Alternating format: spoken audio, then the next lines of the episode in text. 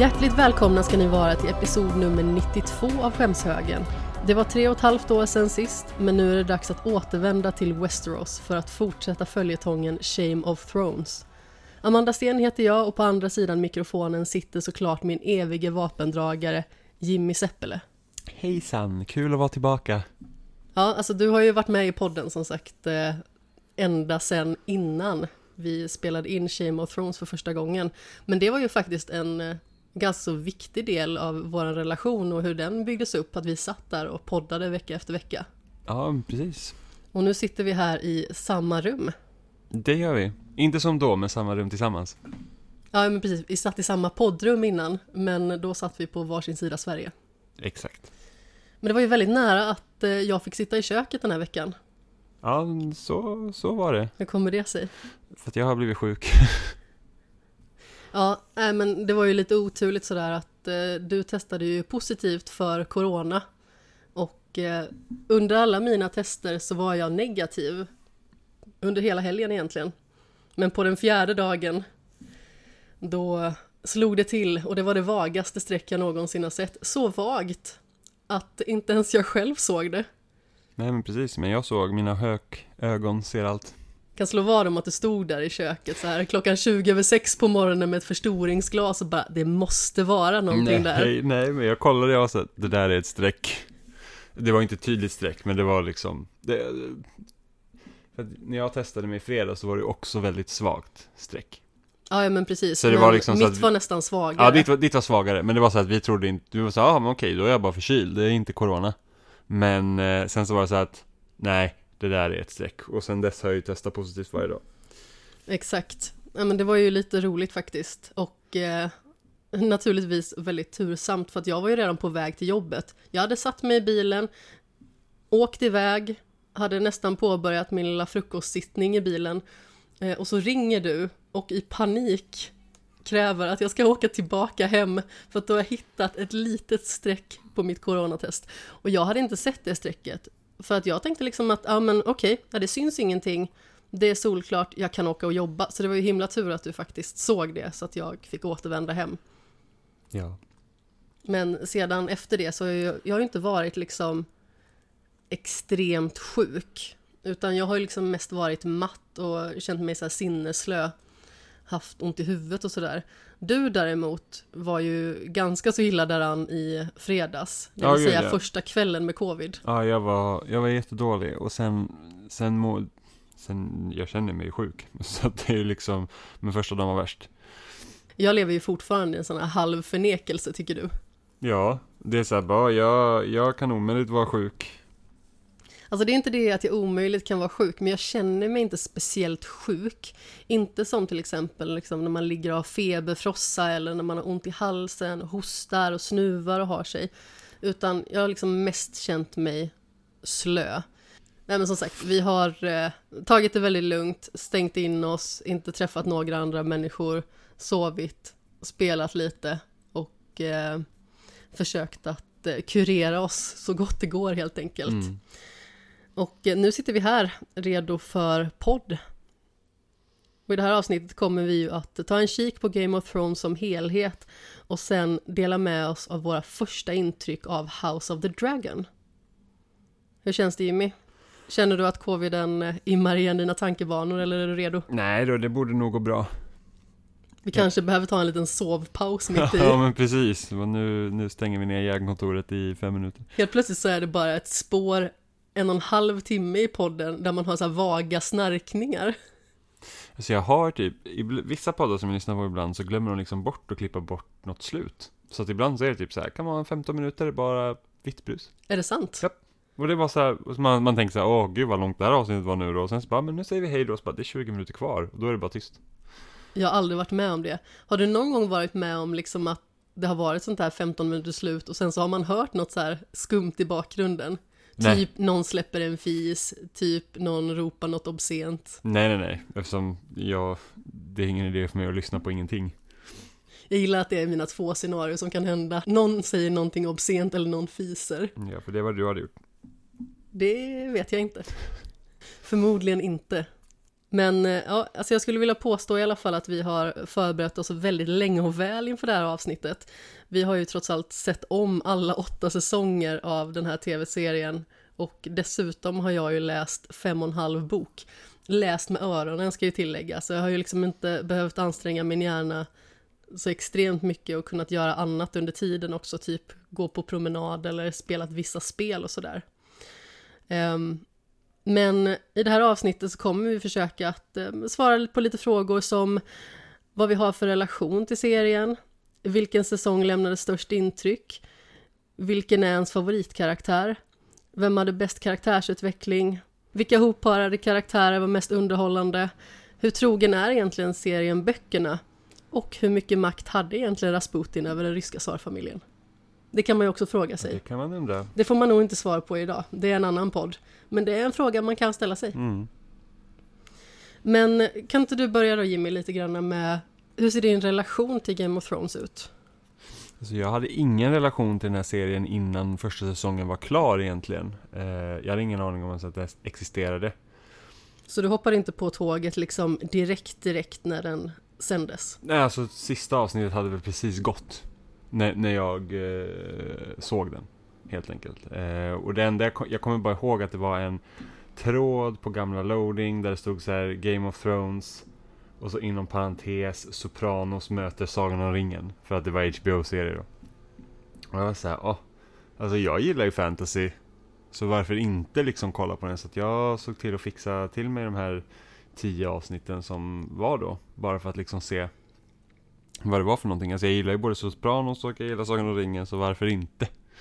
Eh, och jag hade väl hört typ någon prata om det i, i den svenska podcasten Loading, kan det Loading Live kanske? Med Thomas Wiborg och Johan Hallstan. De hade pratat typ om Game of Thrones. Så jag kommer ihåg att de typ sa att det är så konstigt för de svär och sånt i den här eh, serien. Liksom använder ordet fuck och sånt. Och det, bara, det känns väldigt konstigt för att gjorde man det typ 1500-talet i Storbritannien även om det är en fantasyvärld liksom. Det är ganska så roligt faktiskt för att när man lyssnar på George R. R. Martins böcker då förändras faktiskt ordbruket lite grann under tidens gång. Till exempel hur han benämner könsorgan till exempel eller eh, vissa ord som han kanske inte använt sig av tidigare. Eh, I alla fall så vill jag minnas att det liksom fanns ett hopp där. Men jag antar att det är liksom ganska så lång tid mellan att första boken skrevs och att sista boken som har kommit ut skrevs. Så att det liksom blev ett litet glapp. Men jo, alltså, absolut. De pratar ju ganska så grovt i serien och eh, det är ju en ganska så grov serie i allmänhet. Ja, precis. Men jag tror att det, den kändes nog mer modern än vad man tänker sig att en, en serie som då ska ta inspiration från medeltiden, ish, ska vara. Och jag tror att det var det som jag tror det var det de reagerade på. Men jag tror att det är lite en lockelse också egentligen.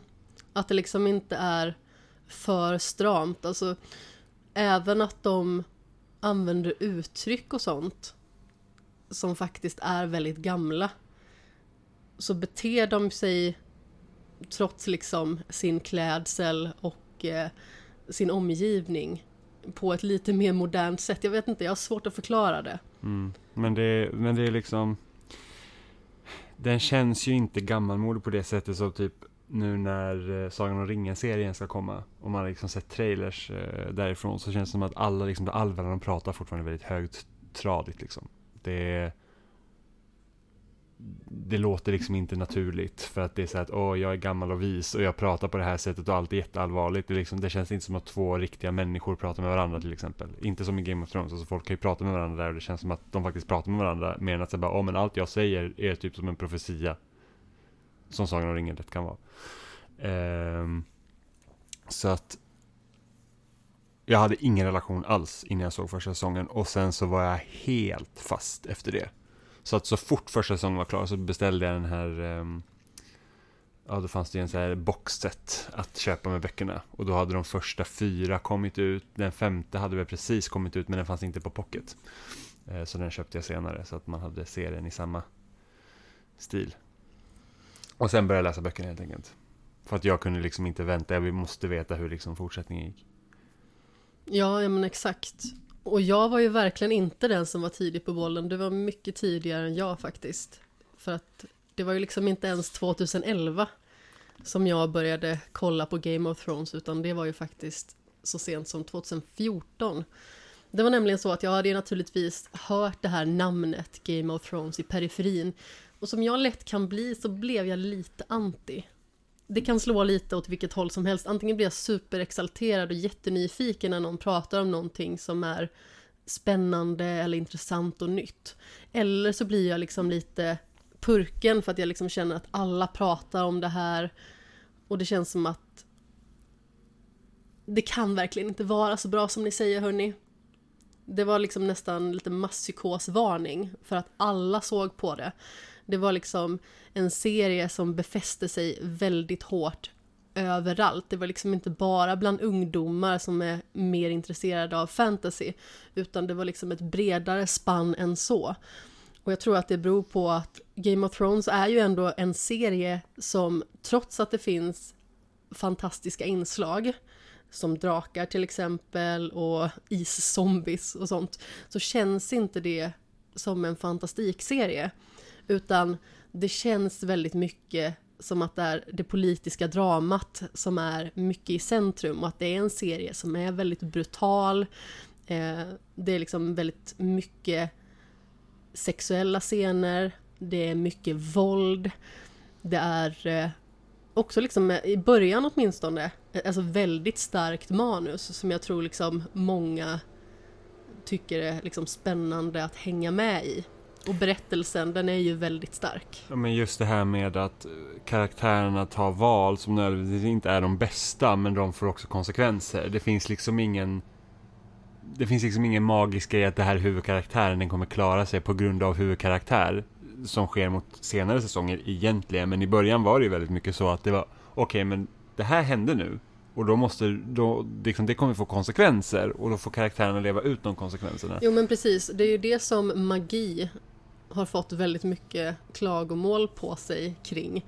Det är ju liksom det att i en serie eller en film eller ett spel där det finns liksom fantastiska inslag så går det liksom att rädda allting med magi. Det är liksom så här, ja men det finns en besvärjelse som löser det här. Men här används inte det på det sättet. Utan det är någonting som är ganska så perifert. Alltså visst det är ett hot som är av liksom övernaturliga väsen till exempel. Eh, och en av huvudkaraktärerna har ju liksom drakar eh, redan från slutet av första säsongen. Men det känns ändå liksom inte som att de grejerna är så centralt. Även att, som sagt, serien börjar ju faktiskt från det absolut första avsnittets första scen med att man får se White Walkers. Ja men precis, och, och, och, en stor grej liksom med White Walkers är att man får se dem redan i första säsongen men de blir liksom inte ens viktiga förrän man får se mer av dem i andra säsongen. Och sen får man ju liksom, alltså det tar så pass lång tid innan man ens får se mer av dem, utan det, och det är ju samma i böckerna. Liksom man hör talas om dem lite och sen så bara, ja ah, men vi lämnar det nu. De känns ju inte på riktigt viktiga och eh, riktigt obehagliga förrän i säsong 5. Ja men precis. Och det, och det blir lite så att serien går upp för att okej okay, men det här är det framtida hotet vi kommer att presentera. Men det liksom får byggas upp. Vi måste förstå alla andra relationer först och sen måste vi också förstå liksom att säga att okej okay, men medan ni gnabbas om det här som egentligen inte spelar någon roll så, så liksom har det här hållit på att byggas upp vid sidan om. Det är inte någonting bara som händer helt plötsligt i mitten av serien utan det har varit med från början. Vilket jag tror också är väldigt speciellt. Ja, ja men precis.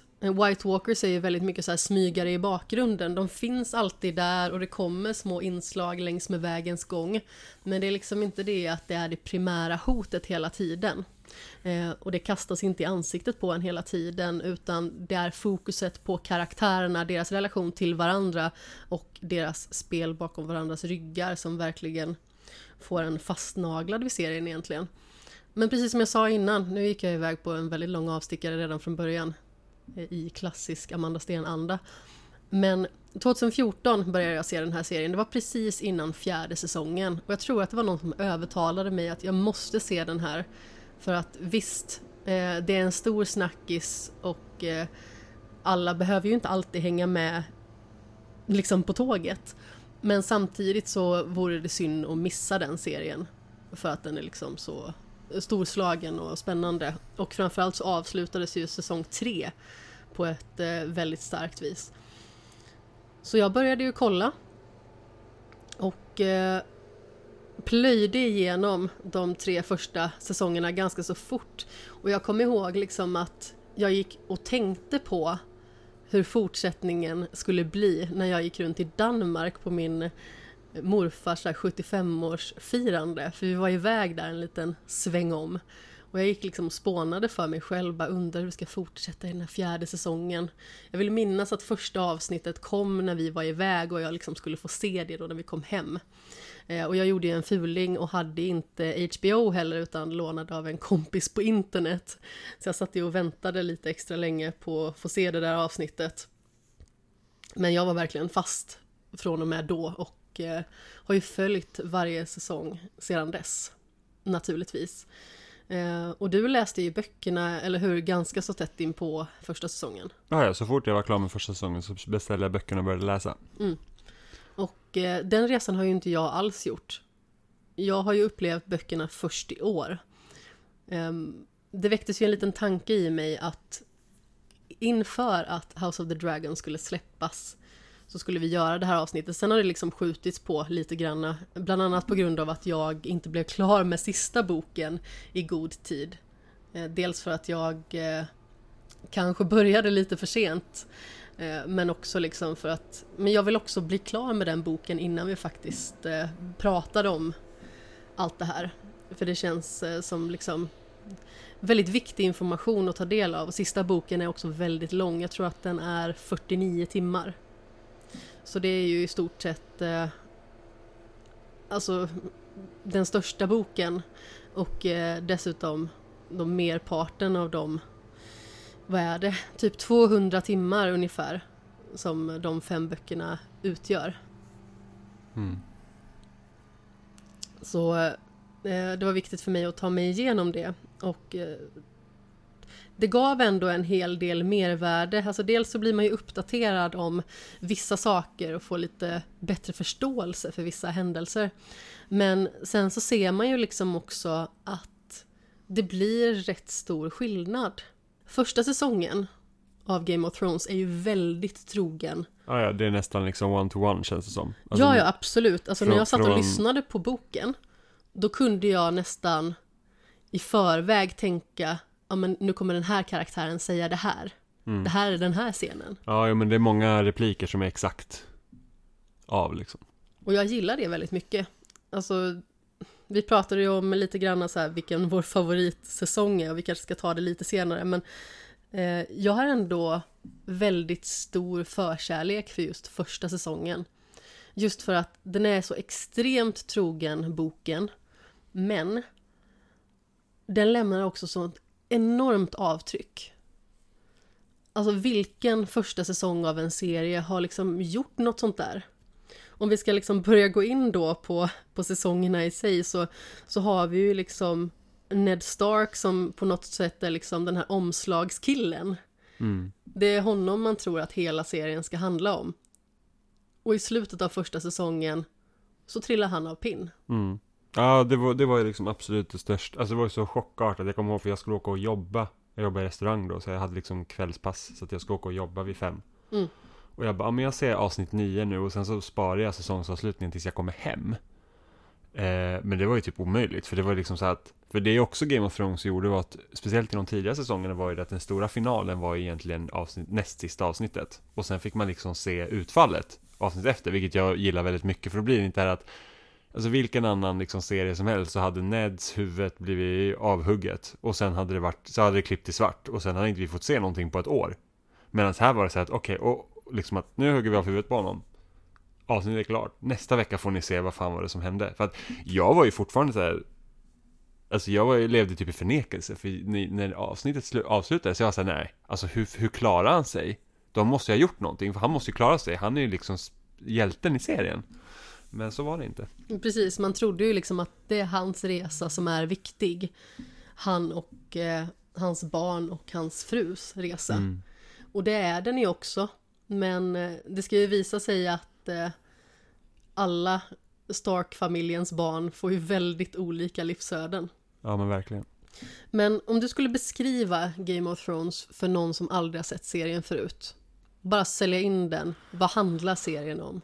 Det är jättesvårt men jag skulle säga... Eller hur? Ja, men jag skulle nog säga bara att det är liksom ett, det är ett politiskt typ medeltida drama satt i en fantasyvärld. Alltså det är det här att det är, en, det är en kamp om vem ska sitta om tronen helt enkelt. Exakt, och det var lite det jag tänkte på också.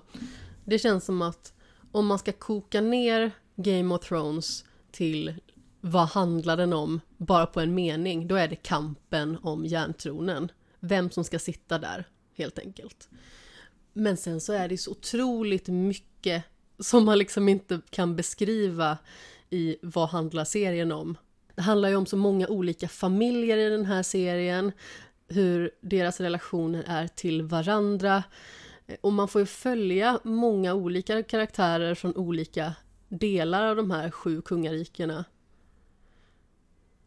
Och det är liksom inte det att Stark-familjen är centrala hela tiden, utan vi har ju också till exempel Daenerys som befinner sig på den andra kontinenten, Essos. Så man skulle kunna säga att eh, de viktigaste punkterna som serien hela tiden håller fast vid, det är liksom precis vid muren. Mm. Någonstans i Essos, där Daenerys är. Och sen väldigt mycket kring Kings Landing. Mm, är huvudstaden. Precis. Och det är ju... Och det är det jag tycker ändå är så spännande med Game of Thrones också, just det här med att det går så hårt in på att få in hela berättelsen från så många olika eh, perspektiv det är ju det att, att jag läser Wheel of Time nu till exempel. Och jag har liksom läst typ Sagan om ringen innan det och, och lite annan fantasy. Och ofta handlar det liksom om en resa. Så Sagan om ringen, då handlar det så att vi måste få ringen till Mount Doom. Det är ju liksom hela serien egentligen. Och så går de från punkt A till B. Och så händer massa saker runt omkring. Och sen så visst, de delar ju på sig så att man får följa Aragorn, Gimli och Legolas på ett ställe. Och sen får man säga Sam och Frodo i andra halvan till exempel. Men det är ändå så att vi tar oss från A till B. Eh, och Wheel of Time är lite likadan också, att du liksom vi följer de här olika karaktärerna som ska ta sig från A till B. Där finns det inget uttalat mål än att vi måste slå ondskan. Det finns inget så att vi måste till den här punkten just nu. Men varje bok, jag är på bok 3 nu, av 14. Så att det är liksom, jag vet inte hur det kommer utvecklas sen. Men det har ju varit så här typ att, okej okay, men den här platsen är central för den här boken. Så det är dit vi ska ta oss. Och sen så får man se kanske berättelsen ur några olika perspektiv, men alla är liksom i konstant rörelse. Det är inte så i Game of Thrones, utan där har de olika perspektiven så att du ska kunna få in hela omfånget av världen de existerar i. För det är inte så att Cersei, hon ger ju sig inte ut på något liksom quest och ska gå från typ Kings Landing till Dorn till exempel. Hon lämnar aldrig Kings Landing. Nej, precis. Hon är i Kings Landing och för att vi ska få perspektiv från Kings Landing då får vi följa henne där. Eller till exempel John, eh, händer ju saker liksom vid muren och bakom muren och hans resa också. Men det är inte den här liksom att vårt mål att vi ska gå härifrån till hit. Utan vi får liksom göra nedslag på olika platser och jag tror att det är det som gör den så himla speciell. Att vi liksom får vi måste få in, alltså världen blir så mycket bredare för att vi hela tiden får så många olika perspektiv från olika karaktärer som har olika roller här också. Eh, och jag tror att det gynnar serien väldigt mycket. Ja, ja men precis. Eh, det finns ju många karaktärer som kan klassas som huvudkaraktärer och dessutom så börjar väldigt mycket av det redan i första säsongen. Vi har ju Bran som till exempel eh, sedan kommer att eh, gå ut på en resa för att bli Three-Eyed Raven.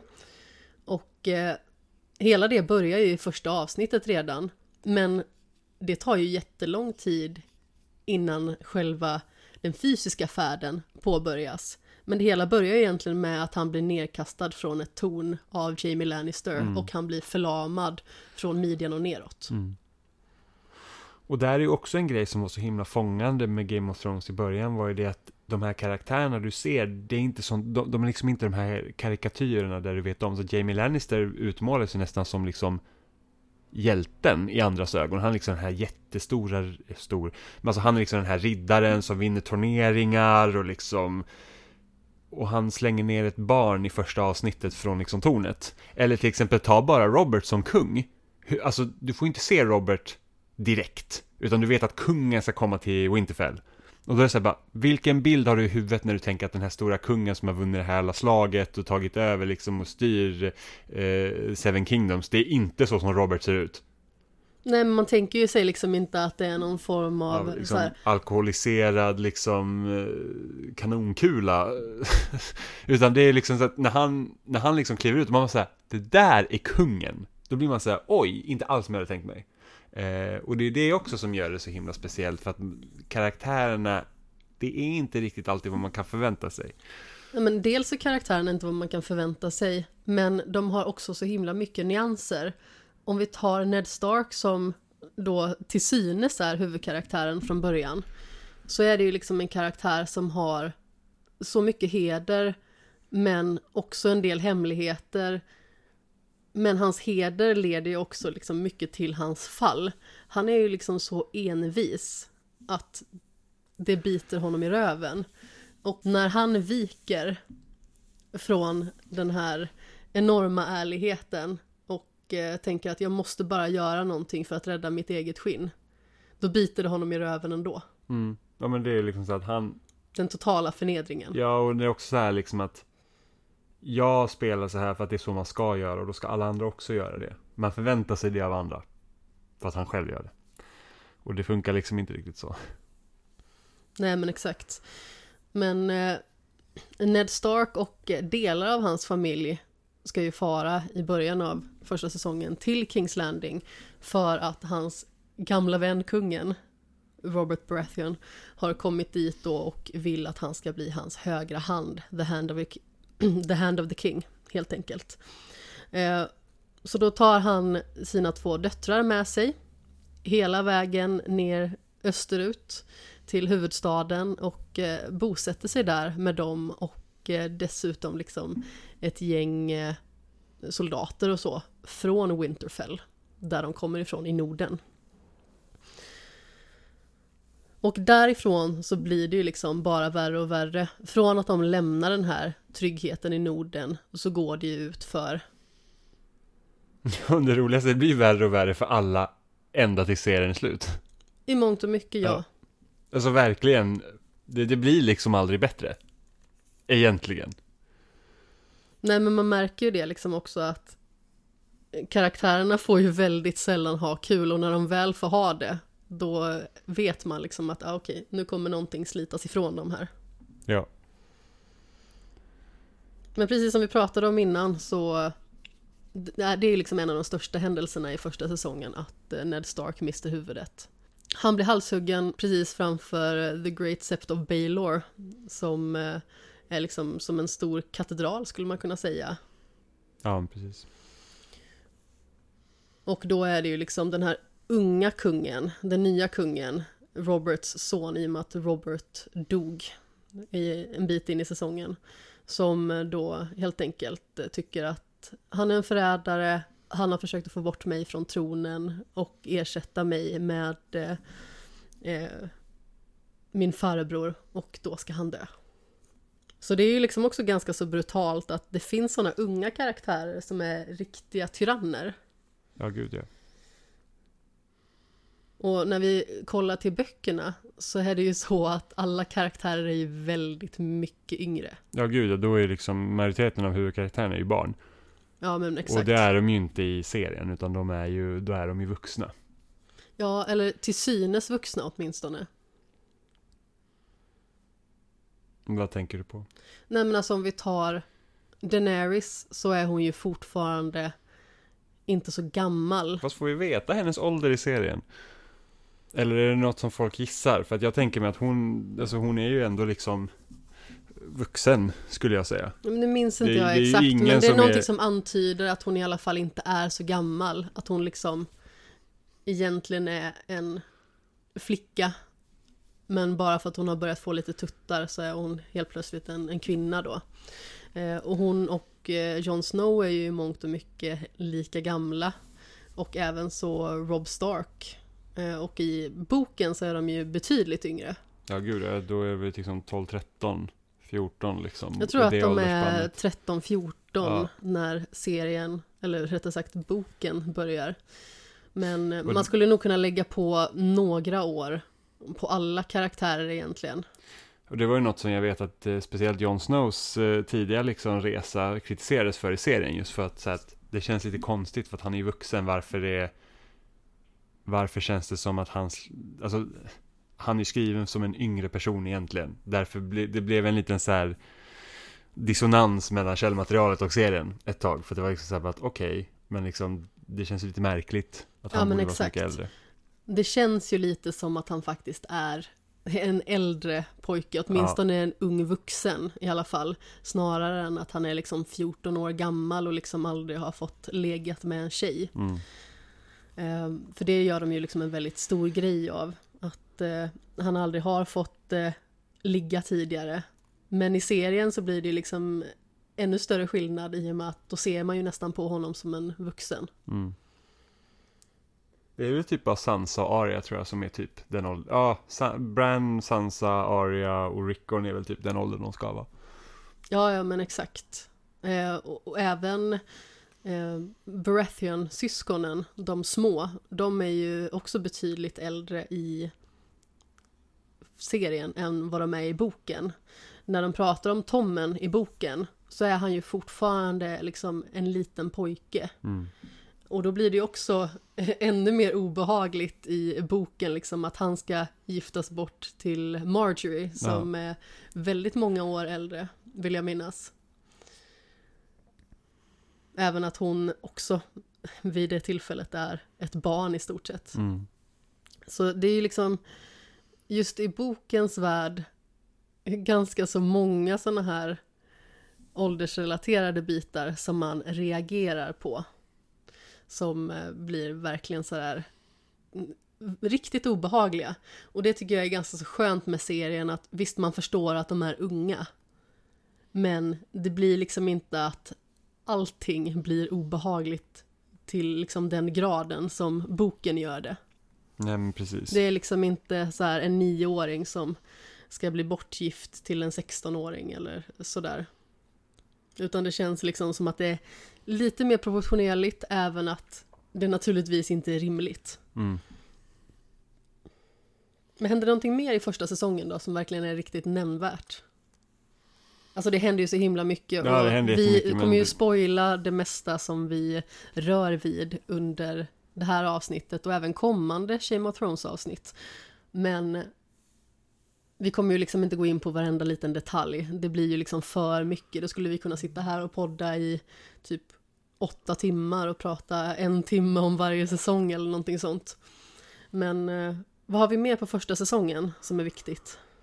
Nej, alltså, det största är ju verkligen när Ned uh, förlorar huvudet om man säger så. Och sen är det egentligen det att Daenerys drakar föds. Precis. Eh, hon blir ju inte såld till för att eh, Dothraki, de säljer inte. Utan hon ges bort som en gåva till, om man skulle säga, överhuvudet av eh, den eh, klanen. Helt enkelt. Eh, och då får man ju stifta bekantskap med Karl Drogo. Mm. Och eh, de blir varandras makar. Och hon ska dessutom ge honom en son. Men blir sedan förhäxad efter att han har blivit skadad. Och ska i stort sett ge ett liv för ett liv. Så Karl han överlever. Men sonen i magen är i stort sett dödfödd. minns, Och helt förvrängd. jag minns inte hur det var i boken där, men i serien så är det så att hade hon inte gått in i tältet när, när den här häxan då utför den här besvärjelsen på Karl Drogo så hade hon förmodligen inte förlorat sitt barn. Hur är det i boken? Nu var det ju ett tag sedan jag lyssnade på första boken, men om inte jag missminner mig så är det liksom att hon i stort sett förhäxar barnet. Och det är så de liksom ser på den här eh, magiken då, eller helaren som hon egentligen då ska vara. Men eh, eh, hon förlorar i alla fall barnet och dessutom är ju Karl Drogo liksom inget mer än ett kolli efter det här. Nej. Han har ju liksom inget liv och ingen funktion kvar om man säger så. Så han får dessutom dö. Och det är ju faktiskt Daenerys som eh, tar livet av honom genom att eh, kväva honom till döds med en kudde. Mm. Sen när de har liksom begravning för honom och eh, det här dödfödda barnet och eh, dessutom då bränner de på bål tillsammans med häxan. Då kliver Daenerys in i elden med sina tre drakägg som hon fick när hon gifte sig. Och sedan så när elden har slocknat och röken har lagt sig så kliver hon ut ur röken med tre stycken nykläckta bebisdrakar. Och det är ju faktiskt väldigt mäktigt måste jag säga. Mm. Och återigen en sån här grej i serien, det är ju att det får ta tid. Det är inte som att i nästa säsong så har hon tre stycken fullvuxna drakar. Nej, Utan men att exakt. de är ju typ, de är typ värdelösa i typ tre, fyra säsonger framåt liksom innan de ens börjar göra någonting. Ja, ja men precis, alltså, i andra säsongen puffar de väl mer eller mindre lite rök och skulle kanske på sin höjd kunna värma en marshmallow. Ja, och sen de hjälper väl till där i House of the Undying, men annars så liksom de, de, de gör ju egentligen ingenting. De kan, det är inte som att hon skulle kunna åka till Westeros och bara säga okej men nu bränner vi ner byar här, utan det, det sker ju, alltså, de kan, för de kan helt enkelt inte. Utan de får liksom växa till sig. Precis. Sen i första säsongen så dör ju också hennes bror, vilket är en ganska så stor händelse. För honom tror ju man att man ska få se mer av hela tiden, för att han ser ju sig själv som den rättmätige kungen i och med att han är det liksom äldsta överlevande i Targaryen-släktet som liksom blev störtade då av Robert när han eh, intog tronen för sig själv. Eh, men han dör ju också genom att han får en så kallad guldkrona av eh, Karl Drogo. Mm. Genom att han eh, smälter guld och häller det på huvudet på honom för att han är ett rövhål. Och där får man ju också ännu mer i boken kring vad planerna där är från början och det är det ju liksom att Viserys som han heter dessutom är då tilltänkt som make till Daenerys. Ja, precis. Targaryens gifter sig med varandra. Ja men precis. Eh, de har liksom en eh, väldigt lång historia ända sedan början egentligen av incestuösa förhållanden och eh, har liksom inga problem med att ha flera fruar eller dylikt. Jag vill minnas, nu, nu har jag precis börjat eh, lyssna på den här Fire and Blood till exempel, att eh, Aegon the Conqueror som eh, liksom var den första kungen då i Targaryen ätten han hade två stycken drottningar och båda var hans systrar. Mm.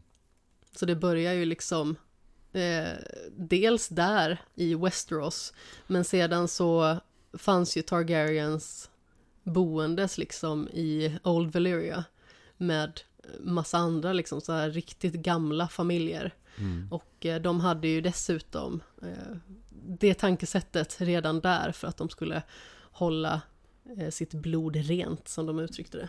Mm. Väldigt eh, besynnerligt men eh, eh, det ger ju också liksom en ganska så annorlunda bild av Targaryens. Mm. Verkligen.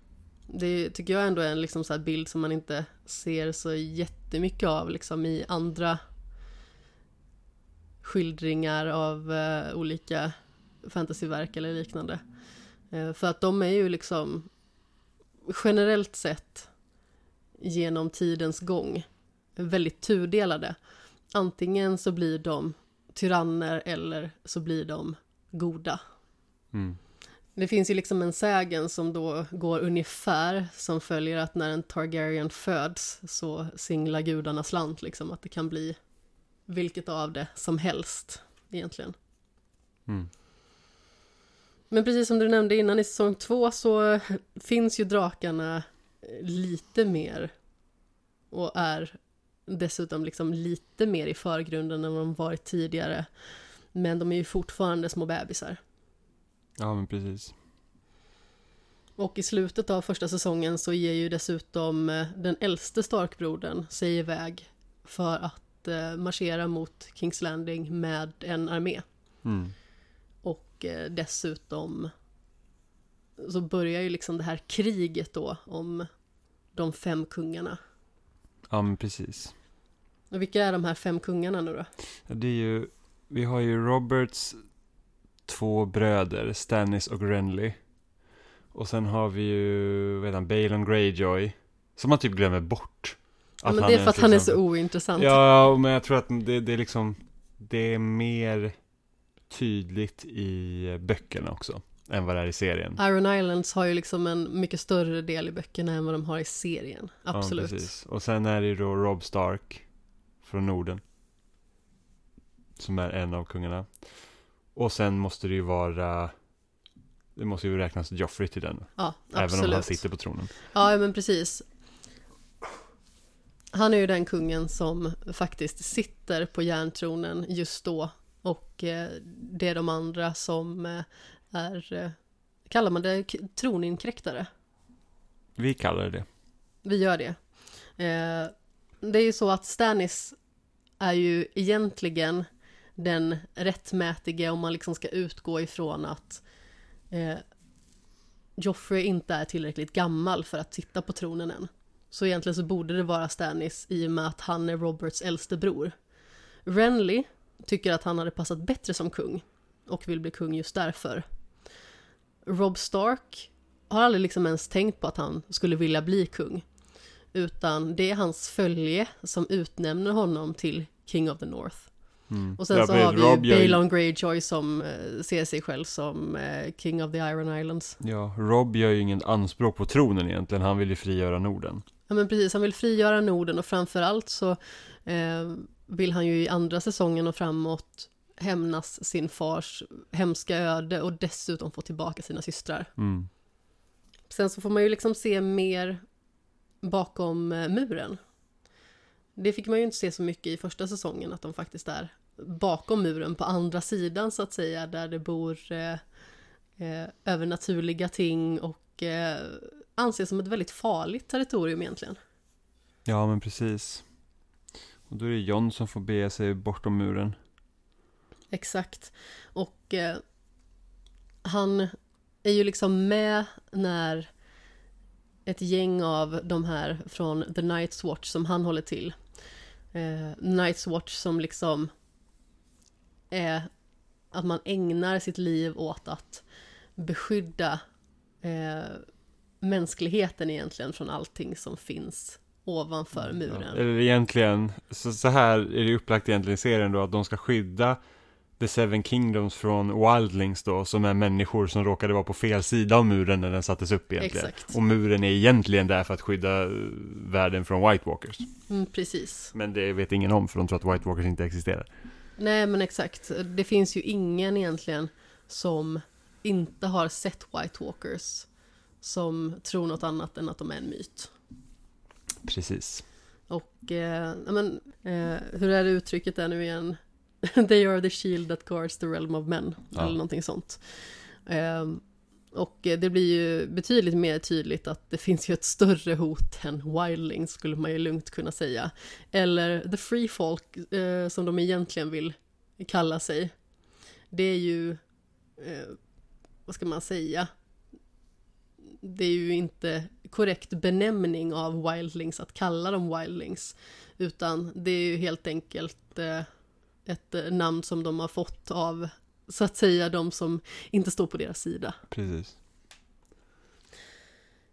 Men då tar ju han och eh, några till, några wildlings som gisslan, men sedan så blir det ju lite tvärtom och John blir också tagen som gisslan. Mm. Och för att bevisa sig så dödar han ju också den här eh, Corin Halfhand.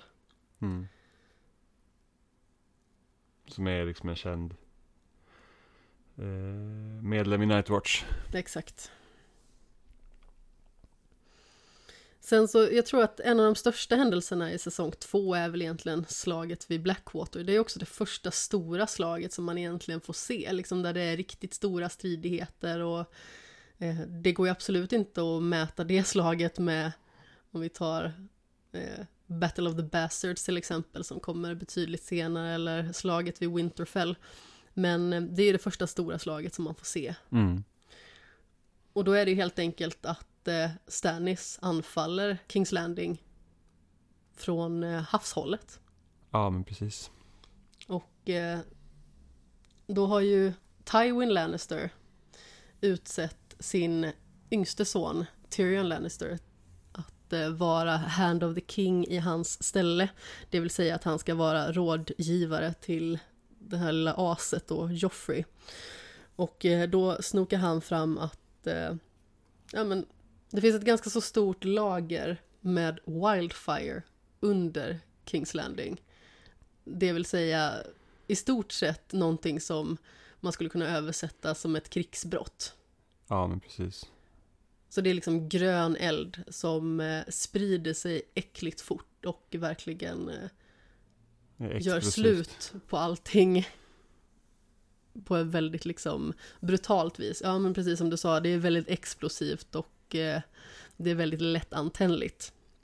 Så de skjuter ju pilar liksom från deras mur mot de här skeppen. Och eh, ja, det är ju väldigt effektfullt. Och eh, det är väldigt brutalt ändå. Mm.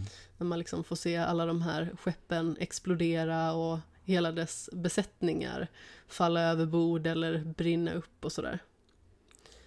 Men det är ju liksom en väldigt stor del av det hela.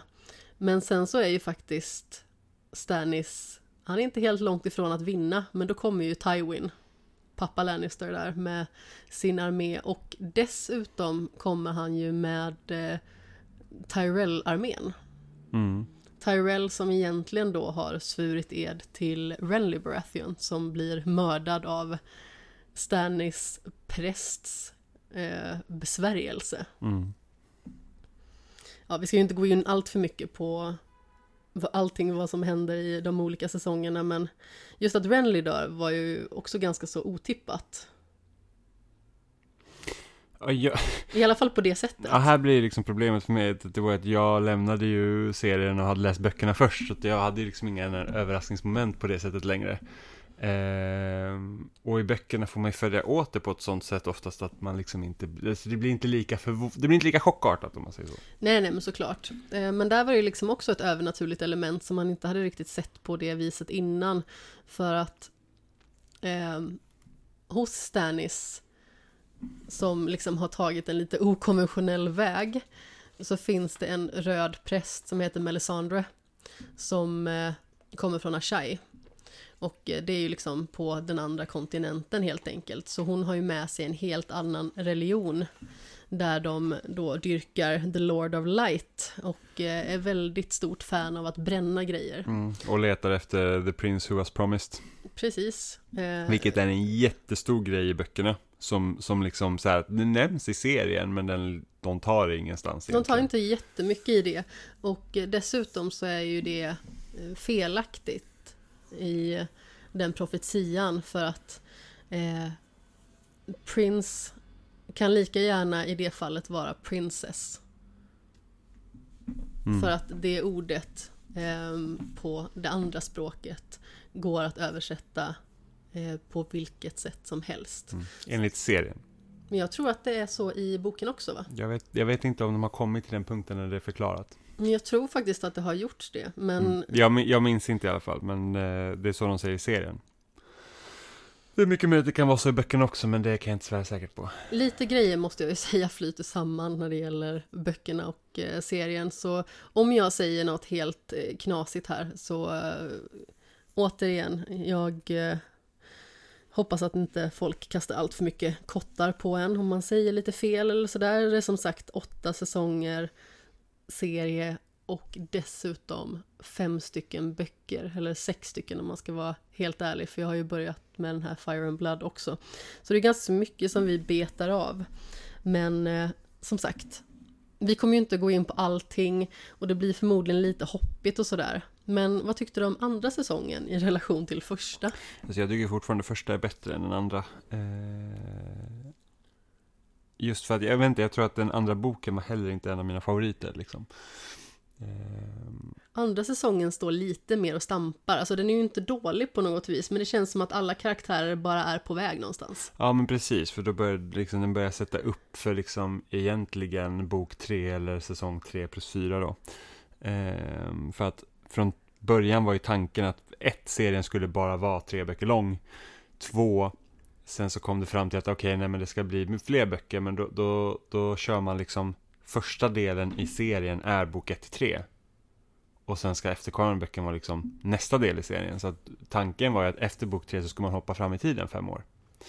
Eh, vilket också blev problematiskt för eh, George R. R. Martin. Han sa att han fick liksom inte ihop det och då blir det för mycket flashbacks för att förklara vad som har hänt under tiden. Precis. Eh, så att sen fortsatte man. Och det är därför det händer så mycket i bok tre.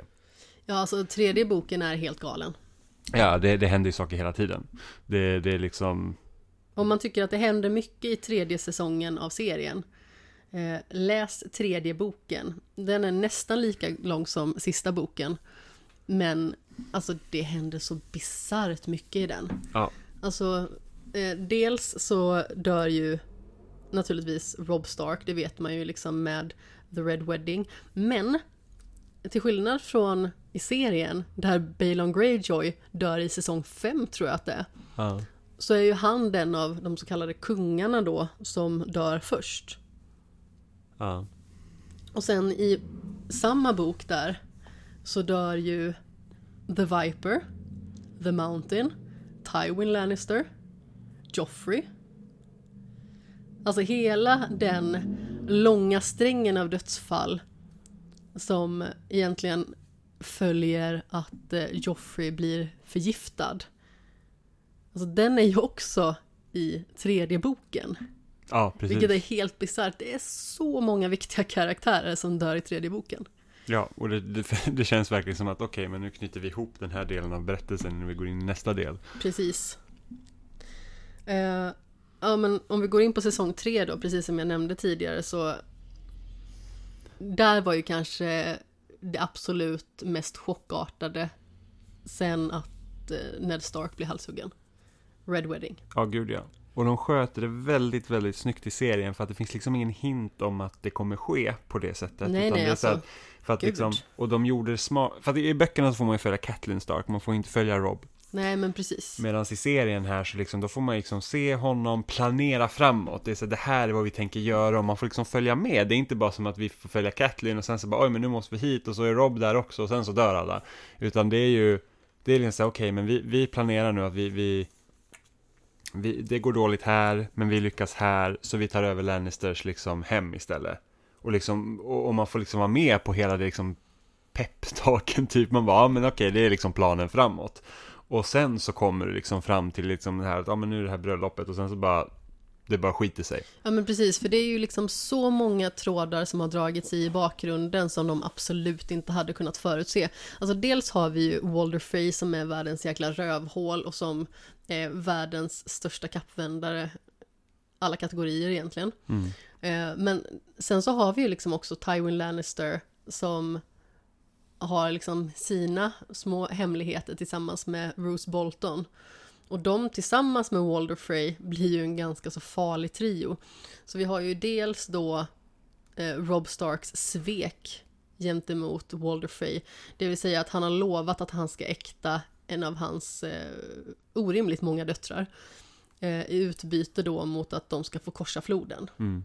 Och där ser man också så här, det här är ett val som man har gjort och som har fått en konsekvens. Och det är liksom så här, Red Wedding är inte där för att chocka bara för att chocka, utan det är Nej, verkligen så här, det har ju liksom byggts upp under egentligen en längre tid, att okej men Rob lovade att han skulle gifta sig med en av döttrarna, sen bryter han det löftet och sen liksom tar inte serien riktigt i det än, förutom att man, man vet liksom att det hänger ju ändå kvar där. Det är jäkligt så dålig stämning kan man säga. Ja, men precis, och sen så bara, men nu måste vi hit, okej vi får liksom be om ursäkt och allt, göra allt det här och då återkommer vi också till det här som gjorde så att Ned föll det här med att okej men jag är hedersam, det är så här reglerna går till och därför kommer det gå bra, typ. Medan det är samma sak för Rob, för att där är det så att är man hos någon som en gäst, då ska du inte förvänta dig att få en kniv i ryggen. Nej men precis, alltså, det är ju en jättestor grej. Det är liksom, är du hos någon och eh, får ta del av deras liksom Gästfrihet. gästfrihet, ja precis, jag skulle säga mat och vatten. Eller vad de nu säger. Eh, eh, jag kommer inte ihåg om de säger no någon, någonting och mjöd tror jag att de säger. Eh, meat and mead kanske det. Ja, mycket möjligt. Eh, då är det ju helt enkelt som följer liksom att, ja men, så länge du är gäst hos någon då är det liksom 100% mot reglerna att mörda dem. Ja, men precis. Och det tycker man ju egentligen borde vara en självklarhet liksom i verkliga livet. Men det är ju liksom god sed egentligen, Mm. att men så gör man inte. Eh, man mördar varandra någon annanstans eller liksom ute på slagfältet. Men hemma hos någon när man är inbjuden till en fest, då händer det definitivt inte. Eh, så Rob Stark med sin nya fru då, som är en kvinna som heter Talissa, som kommer ifrån Volantis och är någon form av fältdoktor och eh, tar hand om eh, de skadade. De blir ju kära i varandra liksom på slagfältet egentligen. Mm. Och de gifter sig i smyg, han gör henne med barn och sedan så får han ju liksom krypa då med svansen mellan benen till Walder Frey och be om ursäkt. Och sen så får ju dessutom Kathleen Starks bror eh, Edmure Tully äkta en av döttrarna istället. Eh, och det är ju under hans bröllop då till, jag kommer inte ihåg vad den Frey-flickan heter. Men när de gifter sig i alla fall och eh, har blivit ivägpuffade till sin bedding så då börjar musiken bli väldigt märklig och stämningen blir väldigt skum. Vakter ställer sig framför dörren, ingen får komma in eller ut. Och eh, helt plötsligt så börjar alla som eh, tillhör liksom Stark med följe att eh, slaktas. Ja. Och det är nästan ännu större i böckerna, för där får man ju liksom veta ännu mer vilka alla de här är. Eh, alla de här från Mormon-släkten till exempel, som Mm. är med. Eh, och det är ju alltså helt sjukt liksom i serien hur... Ja men alltså brutalt det är. Talissa då som är gravid blir huggen i magen till exempel. Mm. Rob blir ju ihjälskjuten först, tror jag, liksom med, med pilar. Eller han, man blir inte ihjälskjuten såklart. Han blir skjuten med pilar först. Och sen så tror jag att de skär väl halsen av honom. Eller Ah. sticker de en kniv i honom. De sticker nog bara kniv i honom tror jag. Ja, och det är väl Bruce Bolton som gör det. Ja, men precis. Om inte jag missminner mig. Ehm, Men Kathleen snittar dem. ja, Ja. henne skär de halsen av. Ja. Och eh, det är också väldigt brutalt för att eh, hon har ju liksom tagit en Frey-dotter som gisslan. Eh, och då tänker man ju liksom att men de kommer inte göra någonting mot henne för att hon håller kniven mot strupen mot den här flickan. Eh, ja, jag, jag tror att det är Walder Freys dotter som också är hans fru eller någonting sånt. Det är Ja. förmodligen så. Han är en rätt vidrig gubbstrutt. Eh, och då säger hon liksom att, men gör inte det här. Eh, jag eh, skär halsen av henne. Och, eh, och då säger Walder Frey i stort sett liksom att jag hittar en ny fru. Ja. Och då dör Rob och hon skär halsen av den här flickan. Och eh, då kommer någon mer och skär halsen av henne. Och det var nästan en, alltså det var Det var piken av brutalt. För hon står ju liksom där och skriker ur liksom sin hjärtesorg på något vis, liksom att hon har förlorat sin son och eh, alla hans anhängare liksom och sitt framtida barnbarn. Mm. Och sen så kommer någon och skär halsen av henne. Mm. Och det är även brutalt i boken. Ja, det är väldigt brutalt. Jag kommer ihåg det för att när jag läste det, var så att man trodde inte sina ögon. Det var så här, vänta vad hände nu? Nu dör massa folk helt plötsligt. Var du tvungen att läsa om? Ja, jag fick backa flera sidor och bara säga att jag måste liksom vara full fokus. Ja, men alltså det är ganska fascinerande när man hittar sådana bokstycken som man bara säger jag måste läsa om så att jag verkligen fattar vad som har hänt. Slutet i Patient 67 var ett sånt. Jag tror att jag läste om slutet kanske så här sju, åtta gånger åtminstone. Mm. Man bara så här, vad är det som händer här egentligen? Mm. Jag måste försöka få lite koll på vad det är som försiggår och jag greppar fortfarande inte riktigt. Och så där är ju mycket andra grejer som spelar in. Men eh, just Red Wedding i serien var ju verkligen en sån brytpunkt där man liksom kände att okej, jag trodde att vad som helst kunde hända när Ned dog. Men vad som helst kan fan hända. Mm, ja verkligen. Det var helt bisarrt. Eh, och det var ju dessutom så att eh, tredje säsongen, där hade jag ju liksom också precis börjat min genomtittning egentligen. Så det var ju liksom inte det att jag hade sett den för ett år sedan och sen så var det dags för säsong fyra, utan jag hade ju precis sett klart det Mm. i stort sett till säsong fyra. Så jag var ju verkligen med pulsen uppe i taket någonstans. Ja, det var helt bisarrt.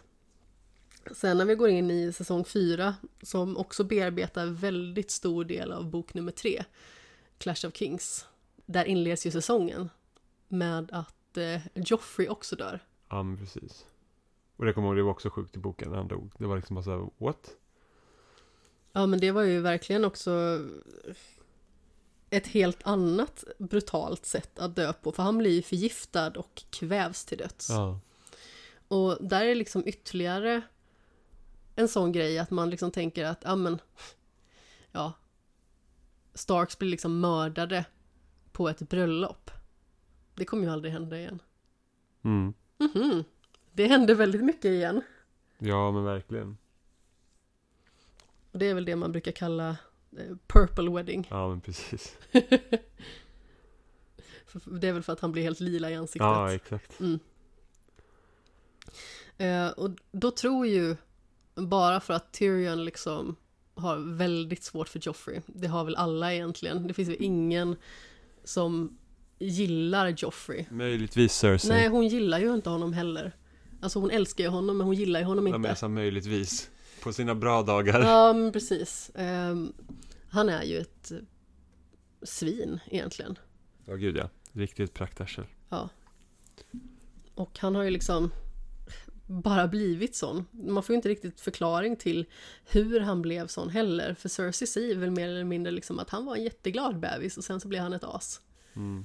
Ja, det tycker jag tycker är lite tråkigt för att i serien så försöker de i början så här liksom att visst, han är asig, men han är fortfarande inte karikatyrasig. Eh, så när Robert dör så ska man liksom visa att han är ledsen över att hans pappa har dött och lite sådana Mm. saker. Och sen går han liksom direkt full on liksom röv. Ja men alltså ultratyrann. Ja, ja, precis. Och sen så blir det ju liksom aldrig någonting. Så man, man, det finns egentligen ingen förklaring till varför Joffrey är som han är. Nej men exakt. Och det, visst, det behövs ju inte heller, men det är liksom, det bara är så. Men det känns ju som att Joffreys död, det utlöser liksom en väldigt stor förändring i hur alla karaktärer är och befinner sig. För vi har ju dels liksom Sansa som flyr bröllopet. Mm. Sansa som har blivit bortgift. Istället för att gifta sig med Joffrey så blir hon bortgift till Tyrion. Som eh, många kastar glåpord till för att han är en dvärg. Eh, och kallas The Imp och så vidare. Eh, och bara för att han liksom har extremt svårt för Joffrey, sätter honom på plats och eh, liksom hotar honom lite grann skulle man väl kunna säga. Eh, åtminstone kan andra tolka det som att han hotar honom, även att han kanske inte utgör ett så stort hot. Så tror ju folk att det är Tyrion som har mördat honom, i synnerhet i och med att Joffrey då tvingar honom att fylla på hans vin konstant. Och eh, det i sin tur gör ju att Tyrion hamnar i finkan, det blir rättegång, han döms skyldig, men då ska det avgöras i eh, att man ska använda sig av det här Trial by combat. trial by combat. Och då ställer ju Oberyn Martell upp för honom istället. Oberyn Martell, det är ju också en, en karaktär som kommer in där lite från sidan och som man liksom precis har fått lära känna egentligen. Och hela hans bakgrund, det är ju att hans syster Elia var gift med Rhaegar Targaryen. Som då var liksom prinsen av Kings Landing egentligen. Mm. Eh, när hans pappa Aerys Targaryen, som också är Daenerys pappa, satt på tronen och var den galne kungen som Robert då skulle störta. Eh, Elia Martell och hennes barn mördades och eh, Oberyn Martell är där för att hämnas helt enkelt. Och då tänker han att eh, det ultimata sättet att hämnas det är ju att eh, ta koll på den personen som tog koll på henne och eh, hennes barn. Och det var ju The Mountain. Som eh, är en eh, stor bäst till människa egentligen. Ja, gud ja. Omänskligt lång nästan. Och eh, oerhört muskulös och brutal och eh, när han fortfarande kan prata så märker man ju liksom att han är ett riktigt jävla svin också. ja. Eh, Och Oberyn hade ju tänkt att eh, då ställa upp som eh, Tyrions förkämpe för att mula The Mountain. Det ser ju bra ut. Tills att det inte gör det längre för att han blir helt enkelt eh, lite för kaxig. Mm. Han har ju gift i sitt spjut som han använder för att eh, helt enkelt eh, börja ta koll på The Mountain. Han hugger honom, han snittar honom på olika ställen och fäller honom till marken och eh, skulle bara egentligen kunnat gjort koll på honom där han låg. Men det var väldigt viktigt för honom att eh, The Mountain skulle säga att han erkänner egentligen att han våldtog hans syster och mördade barnen och sedan även systern då. Och eh, då kommer ju en av de äckligaste scenerna i den säsongen. Ja, gud, när han bara spräcker skallen. Precis, han tar ju tag om Oberyns ansikte och eh, spräcker hans skalle via ögonhålorna. Och det är verkligen, eh, alltså det var så fruktansvärt vidrigt va. Man bara hör liksom det här knäcket och hur eh, huvudet exploderar. Det var fruktansvärt. Och ytterligare i sin tur leder ju det här upp till att Tyrion ska fly Kings Landing och på vägen ut så mördar han sin far och sin älskarinna som dessutom då har eh, intagit eh, pappa Tywins säng istället, Mm. vilket ju är ett ganska så stort svek skulle man kunna säga. Mm. Eh, Och sedan så skeppas han i en liten låda till Essos. Ja, men verkligen. Så eh, ja, det är liksom ett väldigt stort händelseförlopp. Och sen så har vi liksom Sansa som då åker till Derry tillsammans med Lord Baelish. Och alltså, som sagt, det, det sätter ju liksom så många bollar i rullning. Eh, vi har Tommen då som blir kung och Tommen som bara liksom är en liten pojke egentligen. Eh, och dessutom då ska ta över den här rollen som Marjories man egentligen. Mm. För hon vill ju fortfarande bli drottning. Så de ska gifta sig istället. Vad har vi mer för viktiga händelser i säsong 4? Det är väldigt lätt att fokusera på vad som händer i Kings Landing. Men det finns ju betydligt fler karaktärer som eh, går ett ganska så brutalt öde till mötes. Ja, men precis. Ehm, jag tror att är det i slutet av säsong fyra som Arya drar till eh, Bravos? Jag är ganska säker på det, ja. För att eh, Liza Erin, det vill säga Arya och Sansas moster, blir ju kastad genom The Moon Door av Peter Baelish i slutet av den säsongen. Det är också då hon kommer dit och eh, får sitt sånt här eh, jag kan inte tro att det är sant att alla runt omkring mig dör skratt. Ja, just det, precis. Och eh, hon lämnar ju The Hound att dö där. Mm. Eh, så jag tror att det är precis i slutet av eh, säsongen som hon åker till The Free City of Bravos, Mm. helt enkelt. För att uppsöka The House of Black and White för att bli en faceless man. Vilket är en eh, inte jättespännande del. Nej, men speciellt, alltså, speciellt i serien, för den, den mynnar liksom inte ut i någonting speciellt. Jag vet inte om jag tycker att det är så jättespännande i boken heller. Nej, men man kan i alla fall se ungefär vilket håll de tänker dra det åt. Det Ja, väl jo, det. Eller det ja, det trodde man ju i serien också. Men jag vet inte, hur är det i böckerna? Det slutar väl egentligen med att Arya blir blind, va? Nej, jag tror Eller att får hon hon tillbaka får synen? tillbaka synen först. Hon får tillbaka synen också. Mm. Det är det jag inte minns om, om, om man fick veta vad som hände med Arya efter att hon fått tillbaka synen. Det händelseförloppet är ju lite annorlunda. Eller är det att förlorar Arya synen i bok fyra? Så skulle det kunna vara, va? Och sen så får man eh, läsa mer om det i säsong Det i tror jag. Mm, så, Så kan det vara. För att i serien, eh, då är det ju liksom så att hon förlorar ju sin syn för att hon tar koll på Sir Marin Trant. Mm. Som eh, dödade hennes så kallade Dancing Master. Som då är liksom en ökänd svärdsfäktare som hon har liksom som tränare då.